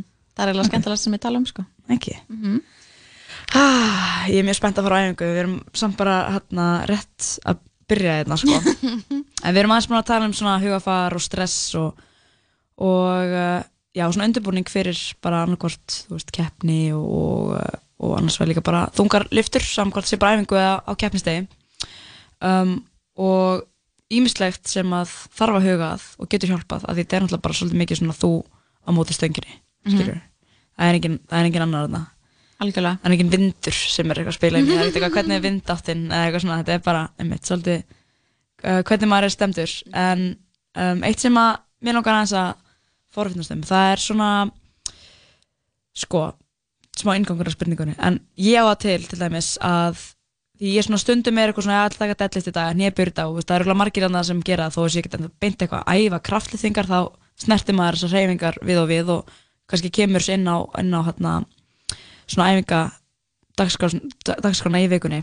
Og um, ég á til að vera oft bara eitthvað svona, næ, ég vil taka þetta og veit kannski ekki alveg hvað er að gera, enda oft að því bara kannski búin að taka ókslega mikið, svo bara eitthvað eru, ég ætla bara að prófa að maksa eða skilur og er ekkert endilega að hugsa um eitthvað svona, ok, það er kannski ekkert sniðt að vera eitthvað reyna að bæta metið mitt þegar ég er búin að vera að taka bara svona smá styrk í stæðan fyrir að þetta væri eitthvað max-æfing. Og þá, þá þú veist langum að forfinnast bara hver er munurinn á um, æfingum í, í hérna þessum uh, svona á svo leið að því að vera maxa og svo maxa-æfingunum sjálfum Mm um, og fyndi, ég heldur þetta ekki ein um þetta að vera bara búin að æfa bara gæt mikið þess að bara, herru, ég ætla að fara að gera mitt besta Já. og bara bæta það sem ég á best mm -hmm. pældi hvað átt að mikið inni þegar þú er búin að eyða svo mikið orku í eitthvað aðra æfingu og svo fara að gera þetta Einmitt. þannig að já, þetta er allavega eitthvað sem að svona ég held að það sé mjög algengt sko en þetta er náttúrulega hvernig get ég alveg þú veist, þú ert að fara að gera eitt besta í ykkur að þú veist, hafa líka allt þar á undan þú veist, það þarf verið þeirri regla að þú getur mögulega gert það Einmitt. þú veist, eins og ég er ekkert að fara hérna, taka 70 kíló í beigju, ég er bara hitt upp en ég er ekkert að fara að taka það eitthvað 10 reps skilur Nei, nei, nei. þannig að, þú veist, eins og þegar ég er að fara að keppa móti ég fer aldrei herra en þrjú reps skilur Einmitt. mm -hmm. ég þingd hún þar á undan þú vildir raunin alltaf spara eins miklu orku og getur fyrir þessa liftu sem ætlar að gefa allt sem átt í Mhm. og á mótum, þú veist, þá er náttúrulega farið þrjá tilunir þá þarf fyrsta tilunin að vera lifta sem þú veist að ert 100% með Einmitt. en þú þarf alltaf svolítið að setja þetta upp hérna, og vera viss og þú þarf alltaf að gefa upp opnunin þingdina þegar þú varst Mhm. til dæmis búin í viktun fyrir morgunin þannig að já, ég myndi allavega ekki eigða þá óþarfa orku í eitthvað annað, og aldrei óþarfa orka maður á að æfa alltaf en ég myndi allavega ekki vera búin- að eigðinu þá áður hún allar að fara að maksa Mhm. Þú veist, Nei, þá einmitt. væri það kannski í rauninni ekki maksið sko. Að með jú, og ég held að þetta sé líka gott fyrir, þú veist, um hann að, að það sem segir með að eiga nóg inni, Mhm. að hugsa þetta þá að ef að þú getur tekið, þú veist, segjum að maður bæti með sitt og maður var samt búin að taka, þú veist, einhver alls konar sett fyrir og það var byrjað í tíu og svo níu, átta, sjö, rep, eitthvað svona, og svo nær maður kannski að bæta sig að, þó, þú veist, það er náttúrulega bara flott og allt gott blessa, en kannski Já. hefði maður geta bætt sig í rauninni mun meira ef maður hefði ekki Já. tekið rauninni bara heila æfingu fyrir -hmm. það er akkurat pointum mitt sko. mm -hmm. um mitt Vá, ég hérna um, ég er nefnilega svo mikill þú veist svona eitthvað herru, ég er bara að prófa þetta. Og svo kannski gengur það líka ekkert. Og þá er maður bara eitthvað ógstlega niður brotin að því að, að, það gekk ekki og, og maður er búin að reyna og reyna og reyna og þá um mitt, og þá um mitt þarna langar mig að spyrja sko þegar maður er að kannski segjum bara deadlift til dæmis Mhm. sem er bara rýfur í bara stærstu veða líka mann sem maður er að nota bara, bara alla aftari keðina og bakið og, og axlirna með þess að líka og svona að segjum að maður sé að reyna að taka bara max í deadliftið eða allavega nála því og maður, maður, maður er þú veist, maður grípur en maður kannski leggur ekki einu sinni það mikið að stað í liftuna, maður er ekki Mhm. eitthvað svona kannski ekki endilega eins og búið að liftast frá gólfinu. Á maður að halda áfram eða á maður bara, nei ok, ég ætla að lækka. Eða á maður að kvíla og reyna aftur skilur Já, sko ég hef vanlega alltaf bara ok, nú, eða, þú í fyrsta lagi reyni ég ekki að keira mig upp í feil Nei, nei, því að ég held að setja fullt af óþarfa svona ork, nei, líka minn er að eyða í rauninni fullt af orku í feilið Mhm. þegar ég hefði kannski freka vel nýta orkunum minna í lyftu sem var góð Já, já, en mér finnst þetta samt svona pínu tvísind allavega fyrir nokkrum árum þá passaði maður að keira aldrei upp í feil, bara aldrei Mhm. en svo núna er ég samt farin að hugsa en hvað ef þú veist, þetta myndir samt bara hjálpa mér Mhm. skilur um, eins og þegar ég fer að móta ég er að lifta þingdir sem ég hef aldrei snert áður af því að ég er mjög passasum og passa mig að fara aldrei ógisla nálægt eða ógisla þungt Mhm. sem að gæti verið feil en það var kannski líka mitt gott að hafa verið búin að þú veist, snert á þessu. Mhm. en eins og segir samt líka að það er ömulegt að fara upp í liftu og hún fer ekki upp. Mhm. ég lendi því um daginn, fyrsta sinn ég veit örgulega ekki í hvað langan tíma þá fyrir utan mót, skilur ég tók back og ég fór ekki með viktin upp. Já, um mitt og svona, lend, ég var í smásinn samt bara ok, ég fekk svona blóðbræðið Já, já, já. Það munna ekkert miklu. En ertu þá bara hverju, kannski næstu viku? Eða ertu, þú veist, ég ætla að gera þetta eftir fimm minútur um, nei, ég myndi aldrei reyna þetta aftur. Nei, ok. Þannig að Ég er nefnilega reynir stundum aðeins kannski of oft. Ég sé það þínu. Ég bara, en það var líka bara Ég ætla að ná þessu eitthvað hérna. Og þú veist, það tókst á endanum sko. Þannig að En það er geðveikt Það er mjög gott sko en, en samt svona einmitt, maður var einmitt kannski eitthvað svona Er þetta sniðugt? Já Skilur? En það er kannski annað með þessu réttstöðlifti og hnepi og bekkin að, í réttstöðliftinu þá svolítið svona annarkvort fer maður frá gólfinu, maður fer kannski ekkert oft eða, ég lendi sjálfnar í að fara hálfa leið annarkvort bara liftir stöngin alla leið upp eða, eða bara ekki Mhm. neitt Mhm. og meðan í hnepinu þá er svona maður fer niður og maður kannski kemst aðeins upp en Já. svona er maður ekki að komast alla leið og okkur svona Mhm. en, Já. en þú ert mikil hnepið kona, ég veit það Í dyrka hnepi og er það uppáhaldsæfingin af þessum Já, þreymur? hún og reynda restan kemur alveg fljóttar eftir sko Já. Ég dyrka það Mhm. bara góð hnepi að sko, góð dagur fyrir mér Já. er ef ég á bara geðveika hnepu Ummitt. í alvörinni Hva, hvað fælst í góður hnepi? Ég myndi segja fyrst og fremst að mann líði vel líka á honum. Mhm. ekki fara í gegnum setta sem þú ert að drepast í nénu þú veist, ég er hætt því sko. Já.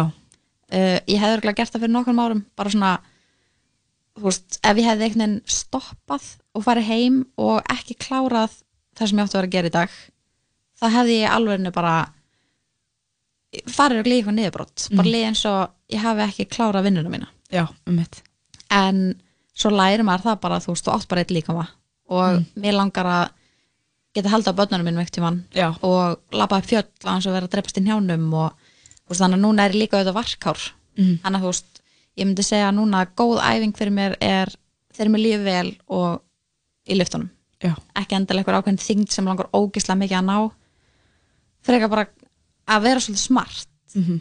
Um mitt og hugsa um formið bara, Já. fyrst og fremst Já.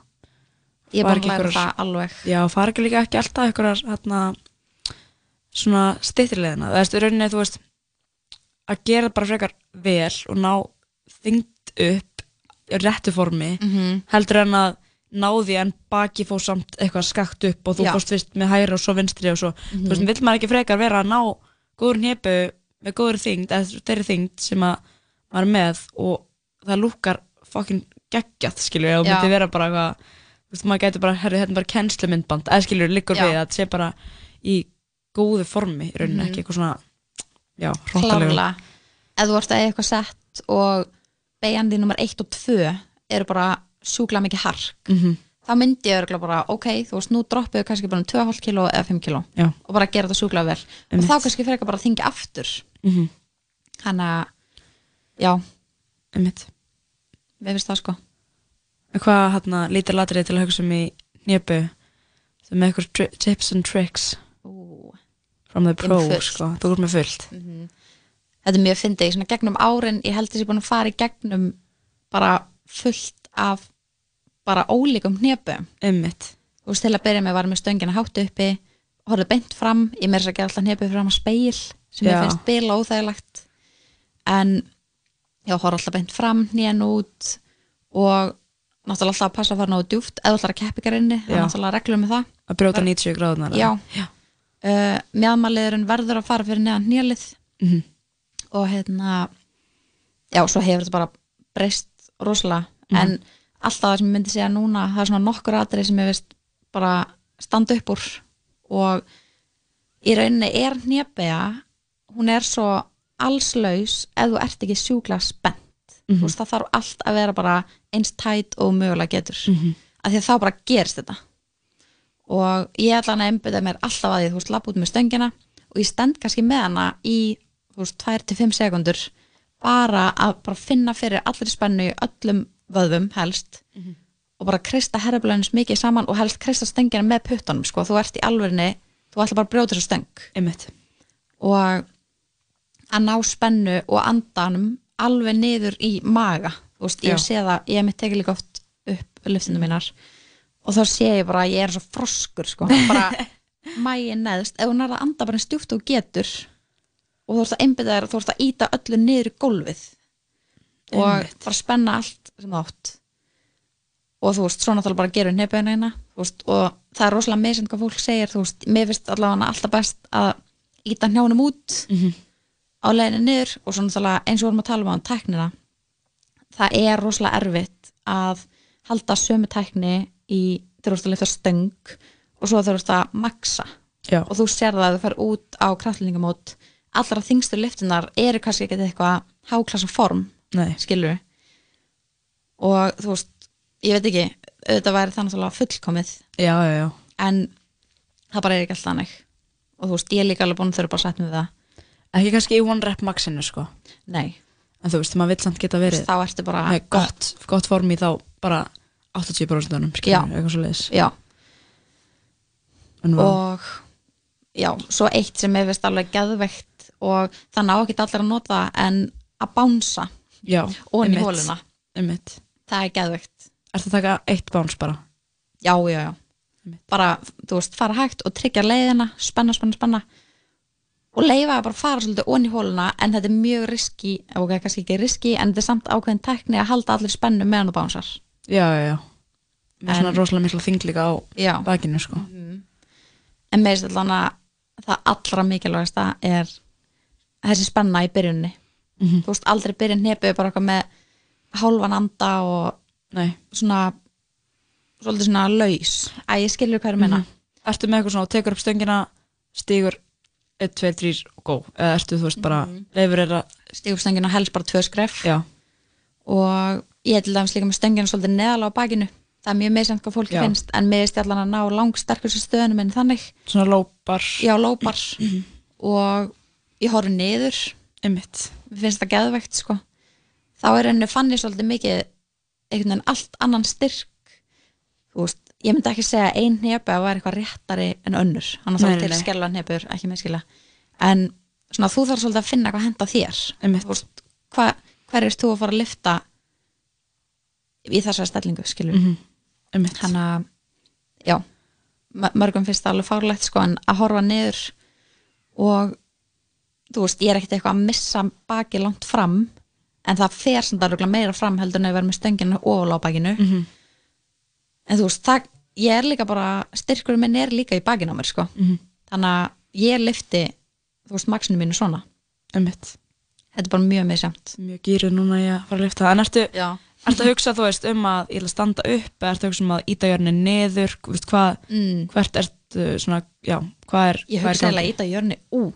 Já, einmitt. Mér finnst það núna að vera svona orðið þú veist kannski ekkert eitthvað þing en mér finnst svona margir líka farin að vera svona hei, þú veist, nýjabein er ekki bara eitthvað að passa að- lyfta ekki hælunum allir þungin á að vera hælum Mhm. um, nýjar með alls ekki að fara fram fyrir tætnar og finnst alltaf svona það að vera eitthvað svona punktar og liklar sem er kannski alveg alltaf lægi þegar einhver er að læra hnepu í fyrsta skipti Mhm. í grunninn þá getur alveg hugsað um þetta sem áherslupunkta en svo þegar að, þú veist, maður er að horfa á fólk vera að taka nepu þá fa fara nýjan oft langt fyrir já, já, já. yfir tætnar og, og kannski þingdin ekkert eitthvað svona alveg í hælunum mm -mm.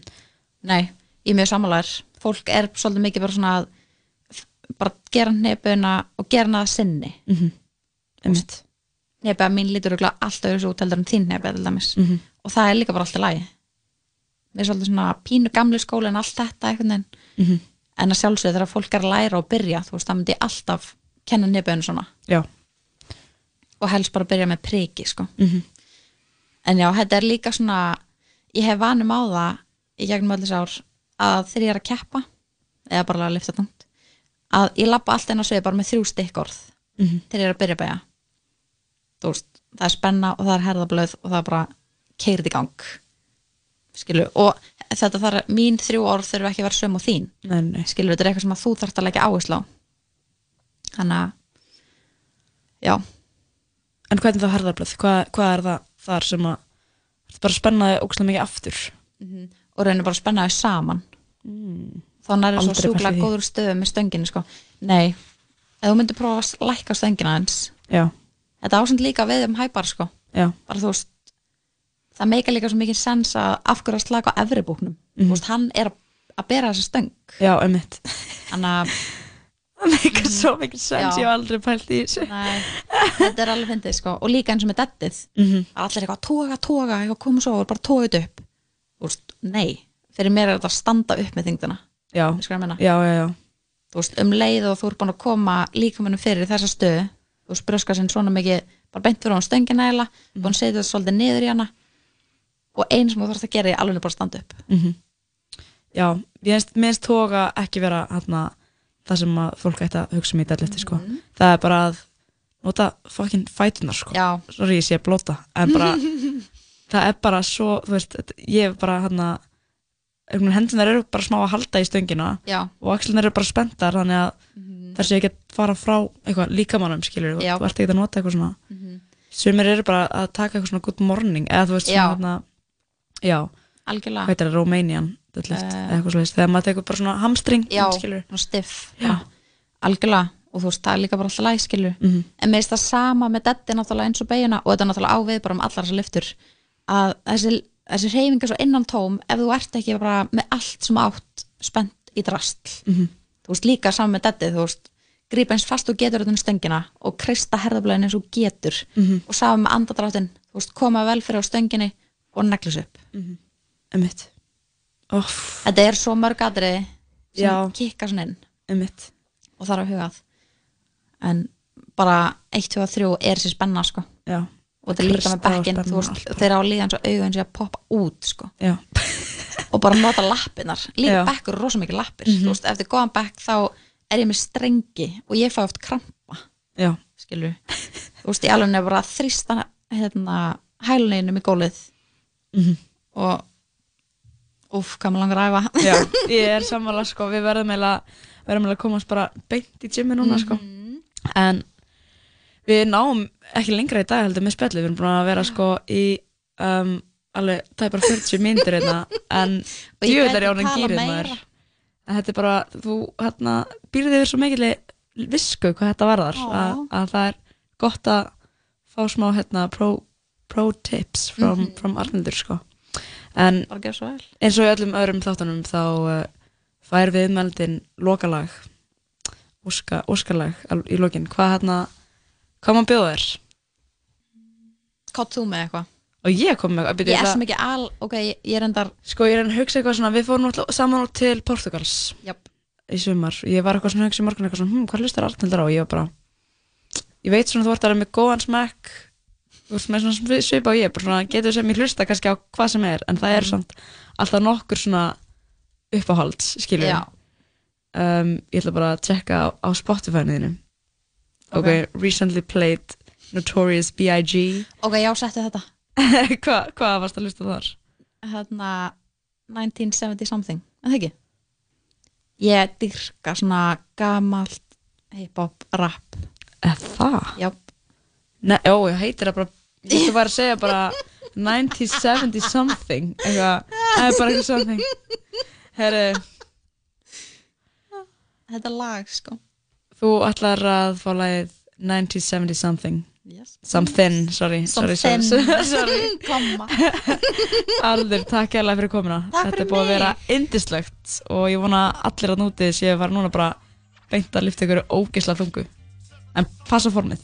Passa formið, verð spennt. Og hverja spenna, herðablöð og negla, negla, keirið í gang Ok, þetta er gang Herri, bæjó nigga, I don't sweat to date. My mom's was late, so I had to plan my escape out the skins. In this world, the fly girl. Hang a ray of Hennessy until I call Earl. Ten months in this gut, what the fuck? I wish mother hurry up so I could get buck. Wild juvenile ripping mics and shit. New York, New York, ready for the likes of this. Uh, then came the worst date, May 21st, 219. That's when my mama water burst. No spouse in the house, so she rolled for self. To the hospital to see if she could get a little help. Umbilical cords wrapped around my neck. I'm seeing my death, and I ain't even took my first step. I made it out, I'm bringing mad joy. The doctor looked and said he's gonna be a bad boy.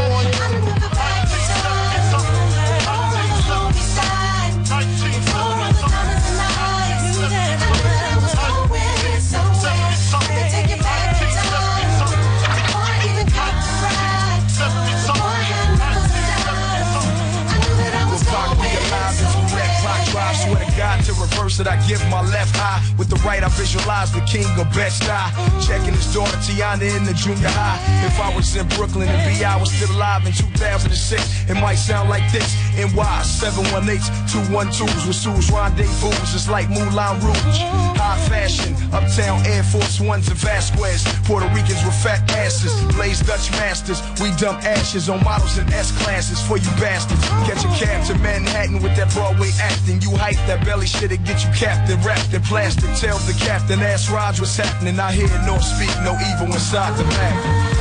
1970 something. I remember back in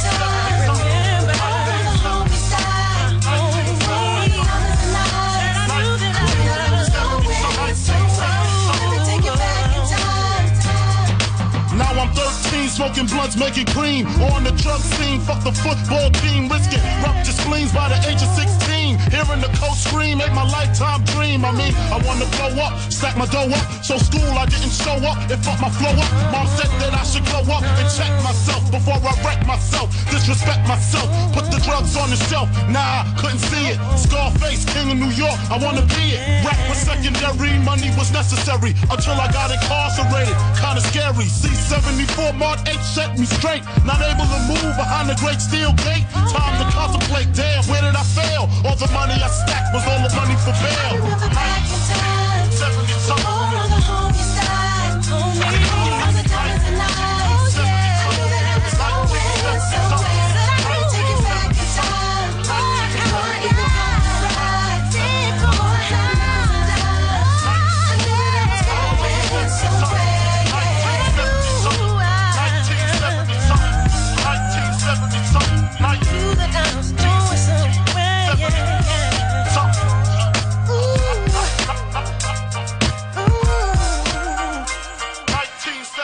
Drykkur að eigin vali fylgir öllum réttum á barnamatseðli. American Style. 14 stöðvar og 7 sundlögar á aðeins 6.840 krónur á mánuði. World Class. Svartur föstudagur hefst á morgun fimmtudag og stendur fram á sunnudag. Búðu þig undir lengsta svarta föstudag allra tíma. Sjáumst á Subway. Emmitt, emmitt, emmitt. Eh, Hér á undan var það, já, þáttur vikunar af aðeins meir en bara gym, þar sem að, já, ég byrði að var ég að tala við Arnildi Önnu um uh, þungar lyftur og ymmislegt fleira. Já, kraftliftinga kona. Graflýftinga konan og hver veitnum að ég um, verði það titlu sem það ekkert mann. Já, Birna Marja, kraftliftinga kona. Það væri reyndar helviti nett. En uh, talandi um svartan föstudag sem að hefst jú á fimmtudegi á Subway. Já, Fólk er að peppa yfir sig, sko. Þannig að eh, fyrir þá sem ekki vita þá er svartur föstudagur á föstudagi næsta, 29. Mm. november og Byrju að hefst hann á 50 dags, sagður ja, til, það er greinilega eitthvað tilbúð í gangi Já, sko. já, já, 50 dags En, eh, fyrstast tilbúð. Nei, það er gaman að því. Ok. Það er líka þriðdags tilbúð á miðjögudegi í dag. Hæ? Nei, nei, ég er að ruggli ykkur öllum, þannig að náði, náði ykkur öllum. En allavega, svartur föstudagur er alltaf eftir Thanksgiving á hverju einst ári. Þá Thanksgiving er alltaf, hvað, síðustu helgina, síðustu fimmtudagina eitthvað í hérna Mhm. november. Mm. Og þannig að núna hittir uh, þessi föstudagur, hann 29. november og er núna næsta föstudag og þá eru alls konar tilbúð um allt. Já. Og þú veist, ég fór eitthvað, ég var eitthvað að tala með dagann. Ég var að fara með, fara með frettir fyrir, fyrir eh, fólk, um allt land. Jú, jú. Bara heima í stofu. Og ég var að tala um eitthvað að svartu föstudagur og tilbúð og allir spara og kaupa sér þá eitthvað, eitthvað svona hérna. Mhm. og veist hvernig ég er með sparnað. Ég er alveg all in í sparnaði. Jú, þú komið fram að það en allavega þá hérna er svartu föstudagur og það er allir eitthvað svona já, kaupa gæð mikið og allir eitthvað já, ég er búin að setja gæð mikið í körfi til að kaupa og fólk er annarkvort að kaupa jólagjafir eða fyrir sig. Mhm. en svo á sama tíma þá er maður eitthvað svona líka að reyna að minga gæð mikið eitthvað svona nýstlu og hægt að kaupa sér hluti Já, Og- ég meina Já, ég, hvað er fólk samt, hvað allar að kaupa? Ég, ég áttum ekki, ég þarf ekki að kaupa neitt. Ef ég þyrfti að kaupa eitthvað, myndi ég kannski nýta mér þetta en bara Ég- því það er svartur Þetta þá ætla ég að kaupa mér eitthvað. þetta lætur manni mitt veist, þetta, þetta kveikir þessu spurningu. Vantar mig eitthvað, hvað vantar mig? Já, og í staðin fyrir að vera eitthvað svona þú veist, ef þú ef þig raunverulega vantar eitthvað þá dættur þið strax eitthvað í hug. Já, Skilurðu? ég veit um, ef að þið vantar kannski ekkert vantar ekkert eitthvað nýja peysu eða eitthvað make eða eitthvað dót skilur Já, að þá, þú veist, ertu ekki að hugsa um það strax þannig að þetta, þetta, þetta býður upp á fólk fari nokkur síðu eða fari í kringluna eða whatever Mhm. og er bara eitthvað skoða og bara, ah já, mér vantar svona. Já, það er náttúrulega alltaf verið að reyna að Já. láta þið líða eins og þið vant eitthvað sko. Nema hann eru bara allir í sama liði bara allir að nýta hann dag allir að kaupa eitthvað Já. þú verður að kaupa eitthvað af því annars ertu veist, að missa, þú veist að missa af mm. nema hvað, svo á mánudaginn þá er Cyber Monday, þá er vefverslanir með svona tilbúð og afslætti og eitthvað Mhm. dót og afslætti örugglega af afsláttum sko, Já, tvöfaldur afsláttur og já þú veist þannig að þetta heldur bara áfram sko. Ég verð að segja að svona hluti fara algjörlega fram hjá mér. Ég vissi ekki að væri svartu fyrstaðu framöndan fyrir þú sagði mér það og þetta Cyber Monday eitthvað, það bara, og ég tengi ekki við það, ég fæ enga, fæ ekkert svona, já, ég verði að koma mér eitthvað. Ég bara er Nei, algjörlega, sé bara ég, ég, þetta, það þetta meiri sé að fær mér sko til þess að fara fjær verslunum. Bara eitthvað svona, já, það er eitthvað svona tilbóðstæð, það er bara eitthvað, það það er einmitt. Og ekki það eitthvað svona, ég þurfi ekki að nýta mér eða eitthvað, eitthvað svoleiðis. Það er bara svona, mér finnst það eitthvað svo óhillandi. Mér finnst það vera svo mikið verið að reyna að óta einhverjum hlutum að mér sem ég Einmitt. bara En vil það væri ekki náttúrulega haxa og væri bara eitthvað, ok, yes, svarti fyrstaðar, ok, mér vantar ymmit hérna, mér vantar ymmit bara, þú veist, þessar lífæsbuksur í þessar stærð. Ég myndir og þú gera bara eitthvað, að skoða bara, er það til hér, er það til, fyrir að ringja, er það til, ok, ég ætla að koma en myndi, maður myndi alveg gera það ef maður þyrfti eitthvað raunverulega Ég þyrfti Já. bara eitthvað að mér ískáp, skilur eða ég þyrfti að kaupa Hax, kaupa ísskáp á föstudaginn, Já, skilurðu. eða ég á bara engan ból. Þú veist, þá vantilega gerir maður það þá Ymmit, 100% sko. Uh, ég er einmitt að fara að kaupa mér svona auka síma á fyrstæðin. Auka síma, Já, þú veist, þannig að ég sé alltaf með tvo. okkur Ég er að, ég er að líkur. bara, Já, að því ég er dópsali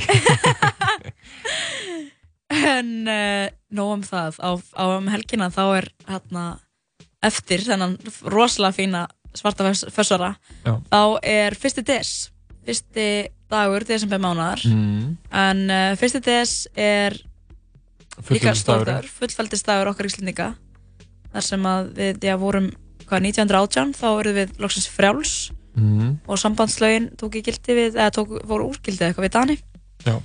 og þannig að í dag eru 101 ár síðan uh, 100, Í dag eru 101 ár síðan hvað? Síðan að uh, þessi, þetta gerist þetta gerist 1918, 1. desember. Já, já, já, á, á fyrst, fyrst, fyrst desember ver, verður það það. Einmitt. já, en svo líka fyrst í aðvendu uh, Einmitt, einmitt. Að nóg að gerast sko. Það er fyrst í aðvendu, það verður það tendur einhver kerti og ætli fólk sé byrja að þrýfa heima á sér? Já, þrif kvíðin farin að Já. að að laga svona kemur upp að bakinu Ó, nú þarf ég að fara að þrýfa, nú þarf alltaf að vera spikkandi span. Og svona, sko, það er eitt sem ég skil ekki fólk er alltaf með hérna að, uh, með einhverja Einmitt. heima á sér. Og þá er svona, fólk kemur og er nei, nei, nei, nei, nei, verður bara á skónum, verður bara á skónum. Þú veist, og það er búið að vera með þrif kvíðan allan daginn. Er það svona, þú veist, ég fór að í þessu sko, af hverju er svona allt í góðu og svona, nei, nei, nei, nei, nei þetta er allt góðu, hér eru við ekki stressu komdu bara inn á skónum hérna, hérna, það er alltaf að skýta út gólfið okkar. Og veist, af hverju ekki bara, þú varst að þrýfa jú, jú, bara, fólk getur alveg farið úr skónum. Þú veist, já, já, jú, fara úr skónum. Eða, eða bara eitthvað svona, af hverju ekki að, af hverju að skipa fólki að fara úr skónum?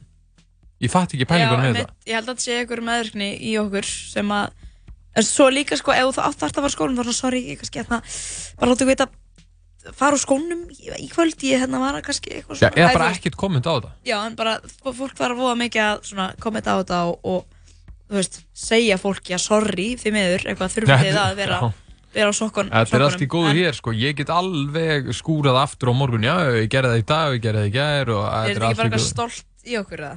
Jú, ég held að. Svo eitthvað svona, nei, nei, nei, sitið þykkur, ég skal alveg bara, ég skal fara með þetta og þú veist Já. En uh, kannski bara skorum alla að vera bara sokkunum í öllum Já. partíum Það er svona eins og segja eitthvað svona, einhver er að borða með einhverja, svona, einhverja snittu og það dettur einhver majónes af snittunni á og það er nei, þetta er allt í góðu, láttu þetta nú bara vera. Já. Það er svo, já, ég veit ekki, en, Láttu þetta bara vera en við, já, la, fólk vil kannski dursta ríkið áður en að jólinn uh, fara á stað. Já, aðeins að dustar ekki að þessum gömlu, hvað er, kannski fólk bara að þrýfa fyrst, í fyrst skipti núna bara í ár Já, fólk, það eru margir sem hafa ekki þrifið síðan bara síðustu jól, þannig að Nei, þannig að það er um að gera að fara það er enda með eitthvað áramóta skraut á gólfinu og undir einhverjum stólum og flýsum. eitthvað kusk og eitthvað kámeri hérna út um allt Við ætlum að fá að hlusta á MC Gauta þetta er Dustar ekki Já, sjálfsögð. Ég ætla að vera að tala hérna, segja ykkur sögur þetta er að byrja. Hæ, hvað segir þið? Ég er Rósa og ég ætla að syngja þér aðeins lag með Gauta.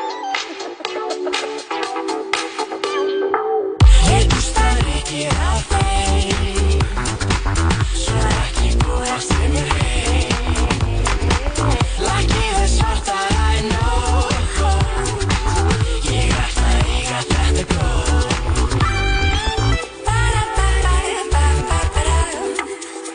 Sparkaði burðinni, múmoka eins Ég þú tjekkaði mitt, ég tjekkaði þig En ég þú sért ekki til Ég kom til að dansa, ekki ég fyrir hitti Fyrir ring, fyrir spil Hún er spil, hún er spil En ég hef vondar eins lausi típa er bitch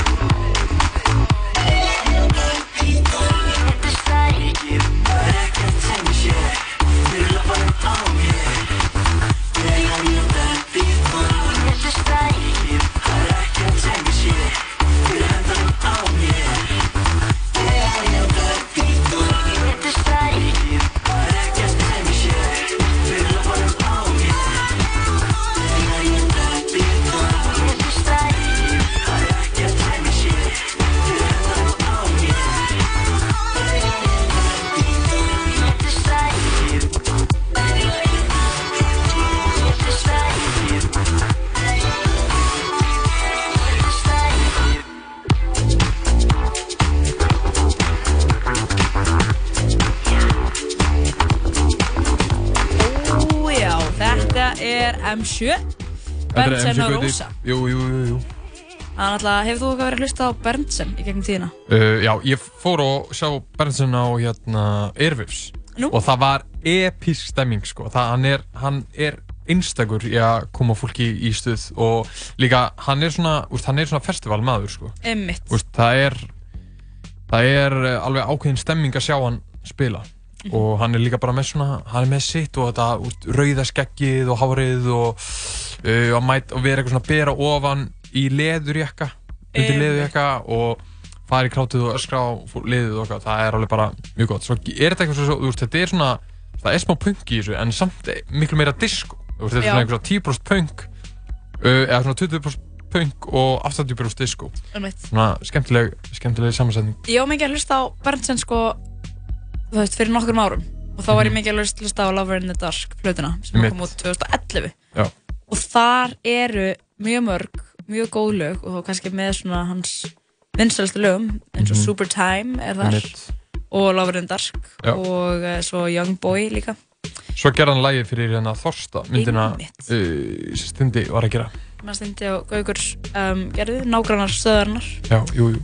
En já, það er gaman að hann skuli kíkja við hjá MC Gauta á þessu dusta rikið lægi mm En við erum svona aðeins búin að vera að já, lítið yfir fréttir og það er náttúrulega núna rosalega mikið að frétta í þessu samherja máli sem að fólk verður bara að kynna sér sjálft held ég sko. já, jú, það er jú. svo mikið að gerast og Æ, ég meina, ég er ekki flestir svona meðvitaður um hvað samherjamálið hvað, hvað það varðar já, ég meina þú veist, fólk getur þá allavega að lesa þetta og tekið afstöðu. já, já, ég meina, fólk á að bara tjekka Quicks þettinum Já, það er svolítið, það er svolítið mál. grunn, grunnurinn að þessu öllu en, uh, svo var líka Andri Singi hann var að hætt, segja sig úr Vafki með mitt. sem er svona frekar stór frétt af því að það þýðir að já, uh, að ríkistjórnin mun standa enn hallari fæti uh, innan alþingis uh, af því að þeir eru bara með tæpan meira hluta innan alþingi þannig sem þýðir að, að sagt, hann verður hann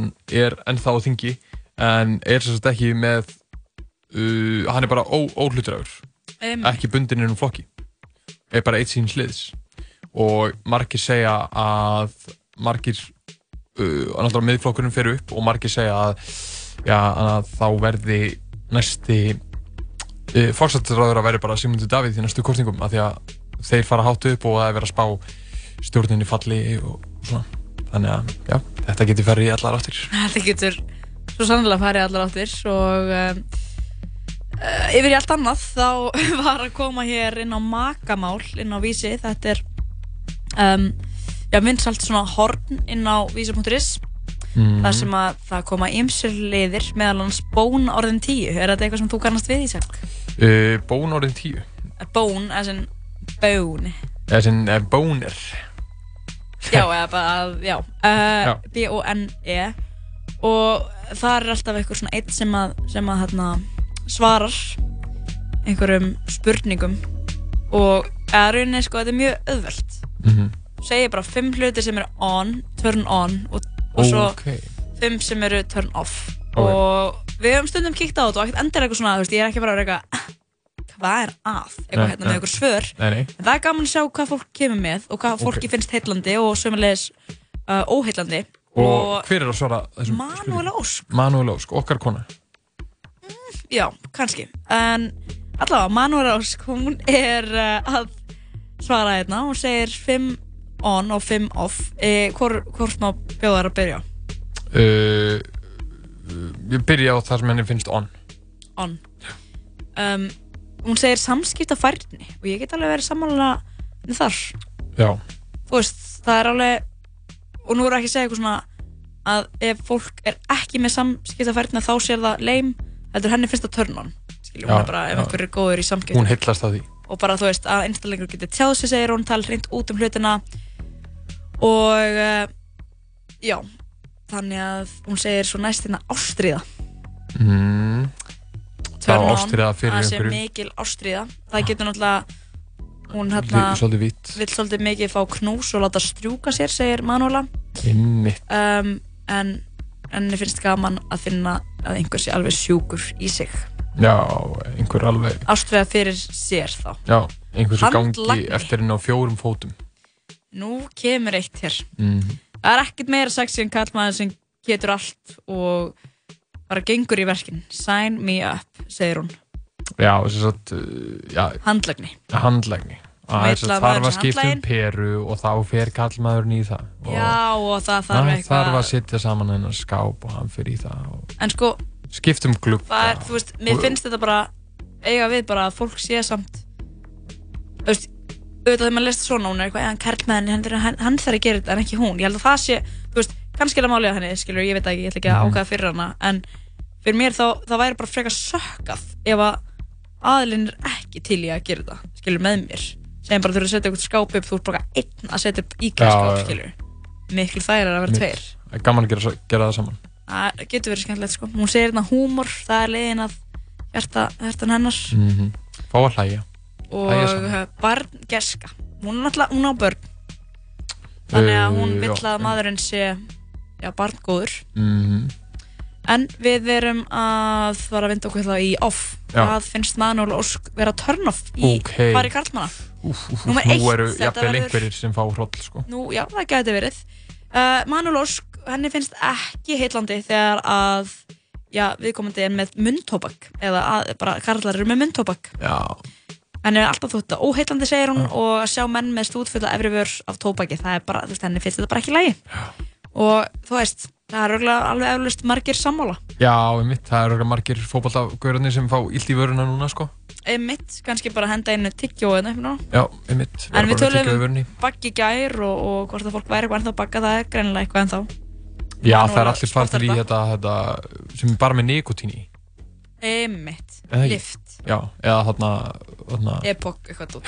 eitthvað svona, svona hvítir pókar Hanna, allavega, þá segir hún hérna líka Númer tvö, þetta er nú svolítið svona veist, Já, ég held að fæstir fíla þetta En það er hróki mm, Já, það er nú ekki gaman Engum finnst nú skemmtilegt að umgast hróka Já, þú veist, ég þekki samt alveg til þess að Þú veist, geta umgengst fólk sem er með rosalega hróka Og finn, finnst það skemmtilegt líka.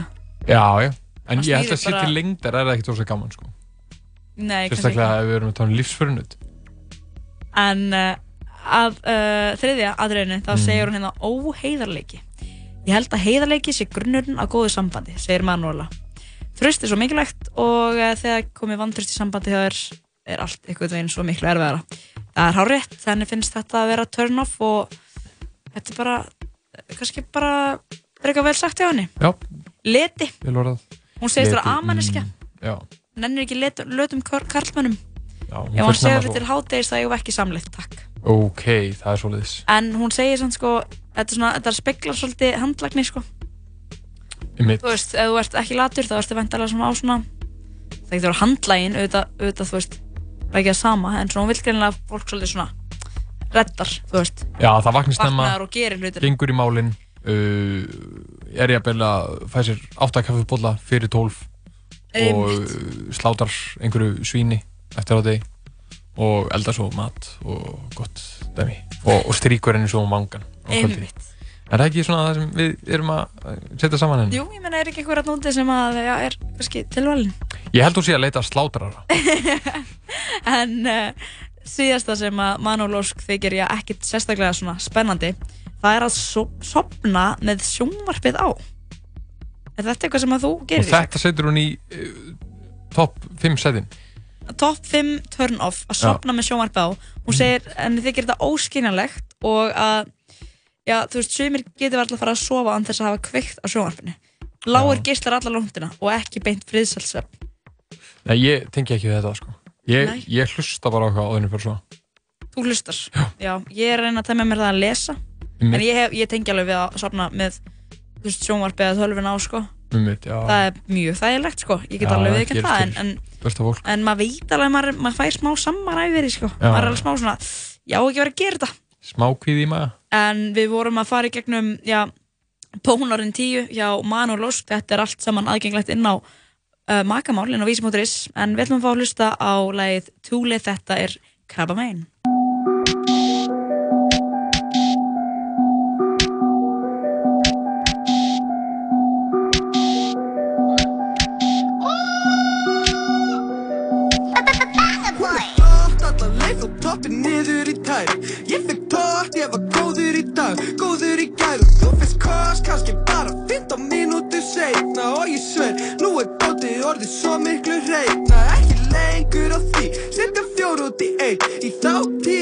Skakkur en í dag stend ég beint Ef ég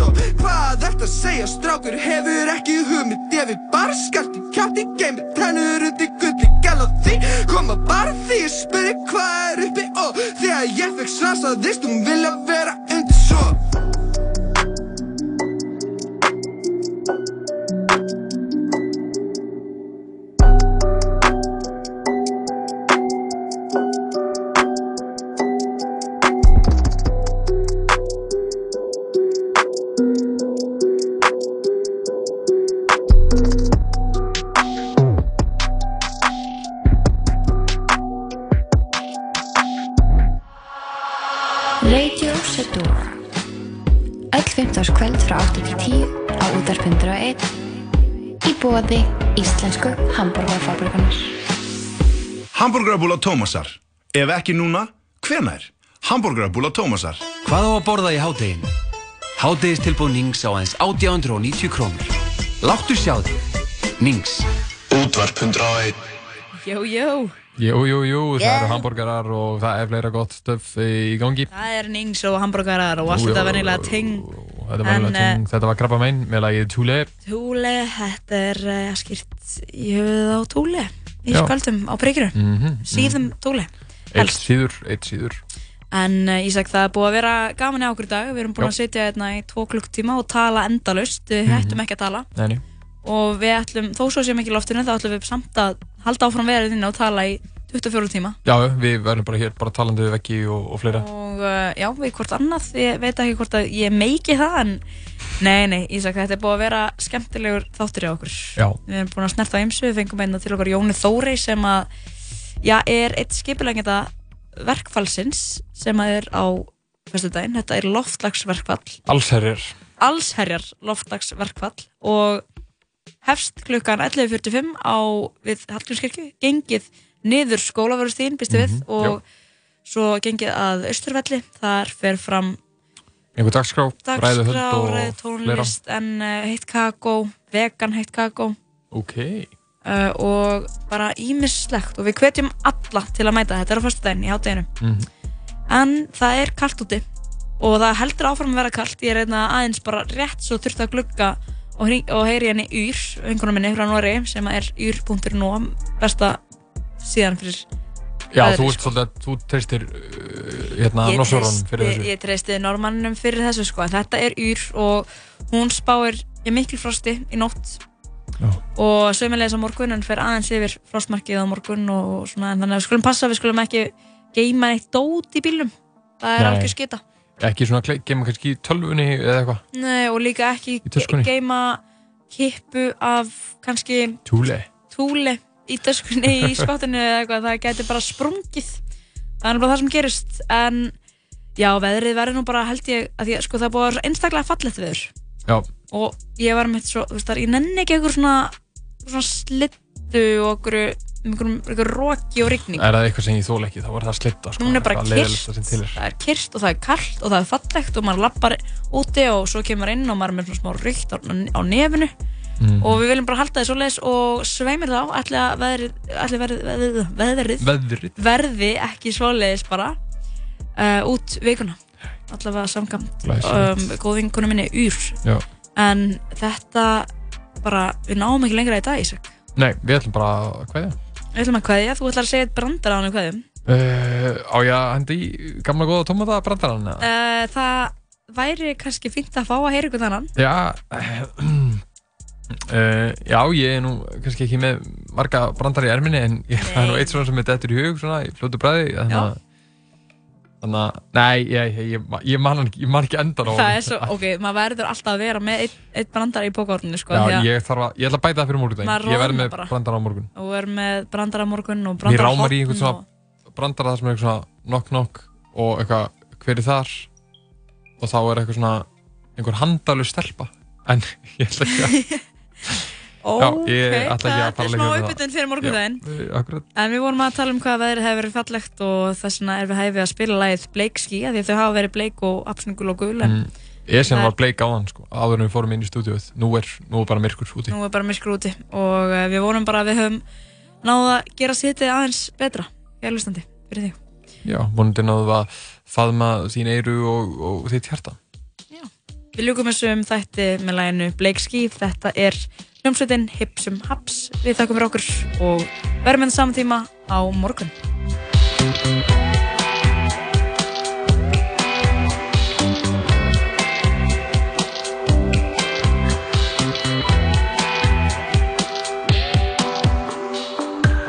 Ég sé neista, beir þú geisla Grípur í kottan þinn á stinu þegar ég být í þín afur Böðu, rosa blöðu Selur okkar mynd sem enginn fær að sjá nema við tvö. Skrifum sögu saman það sem mann stjórnum öllu Alveg samum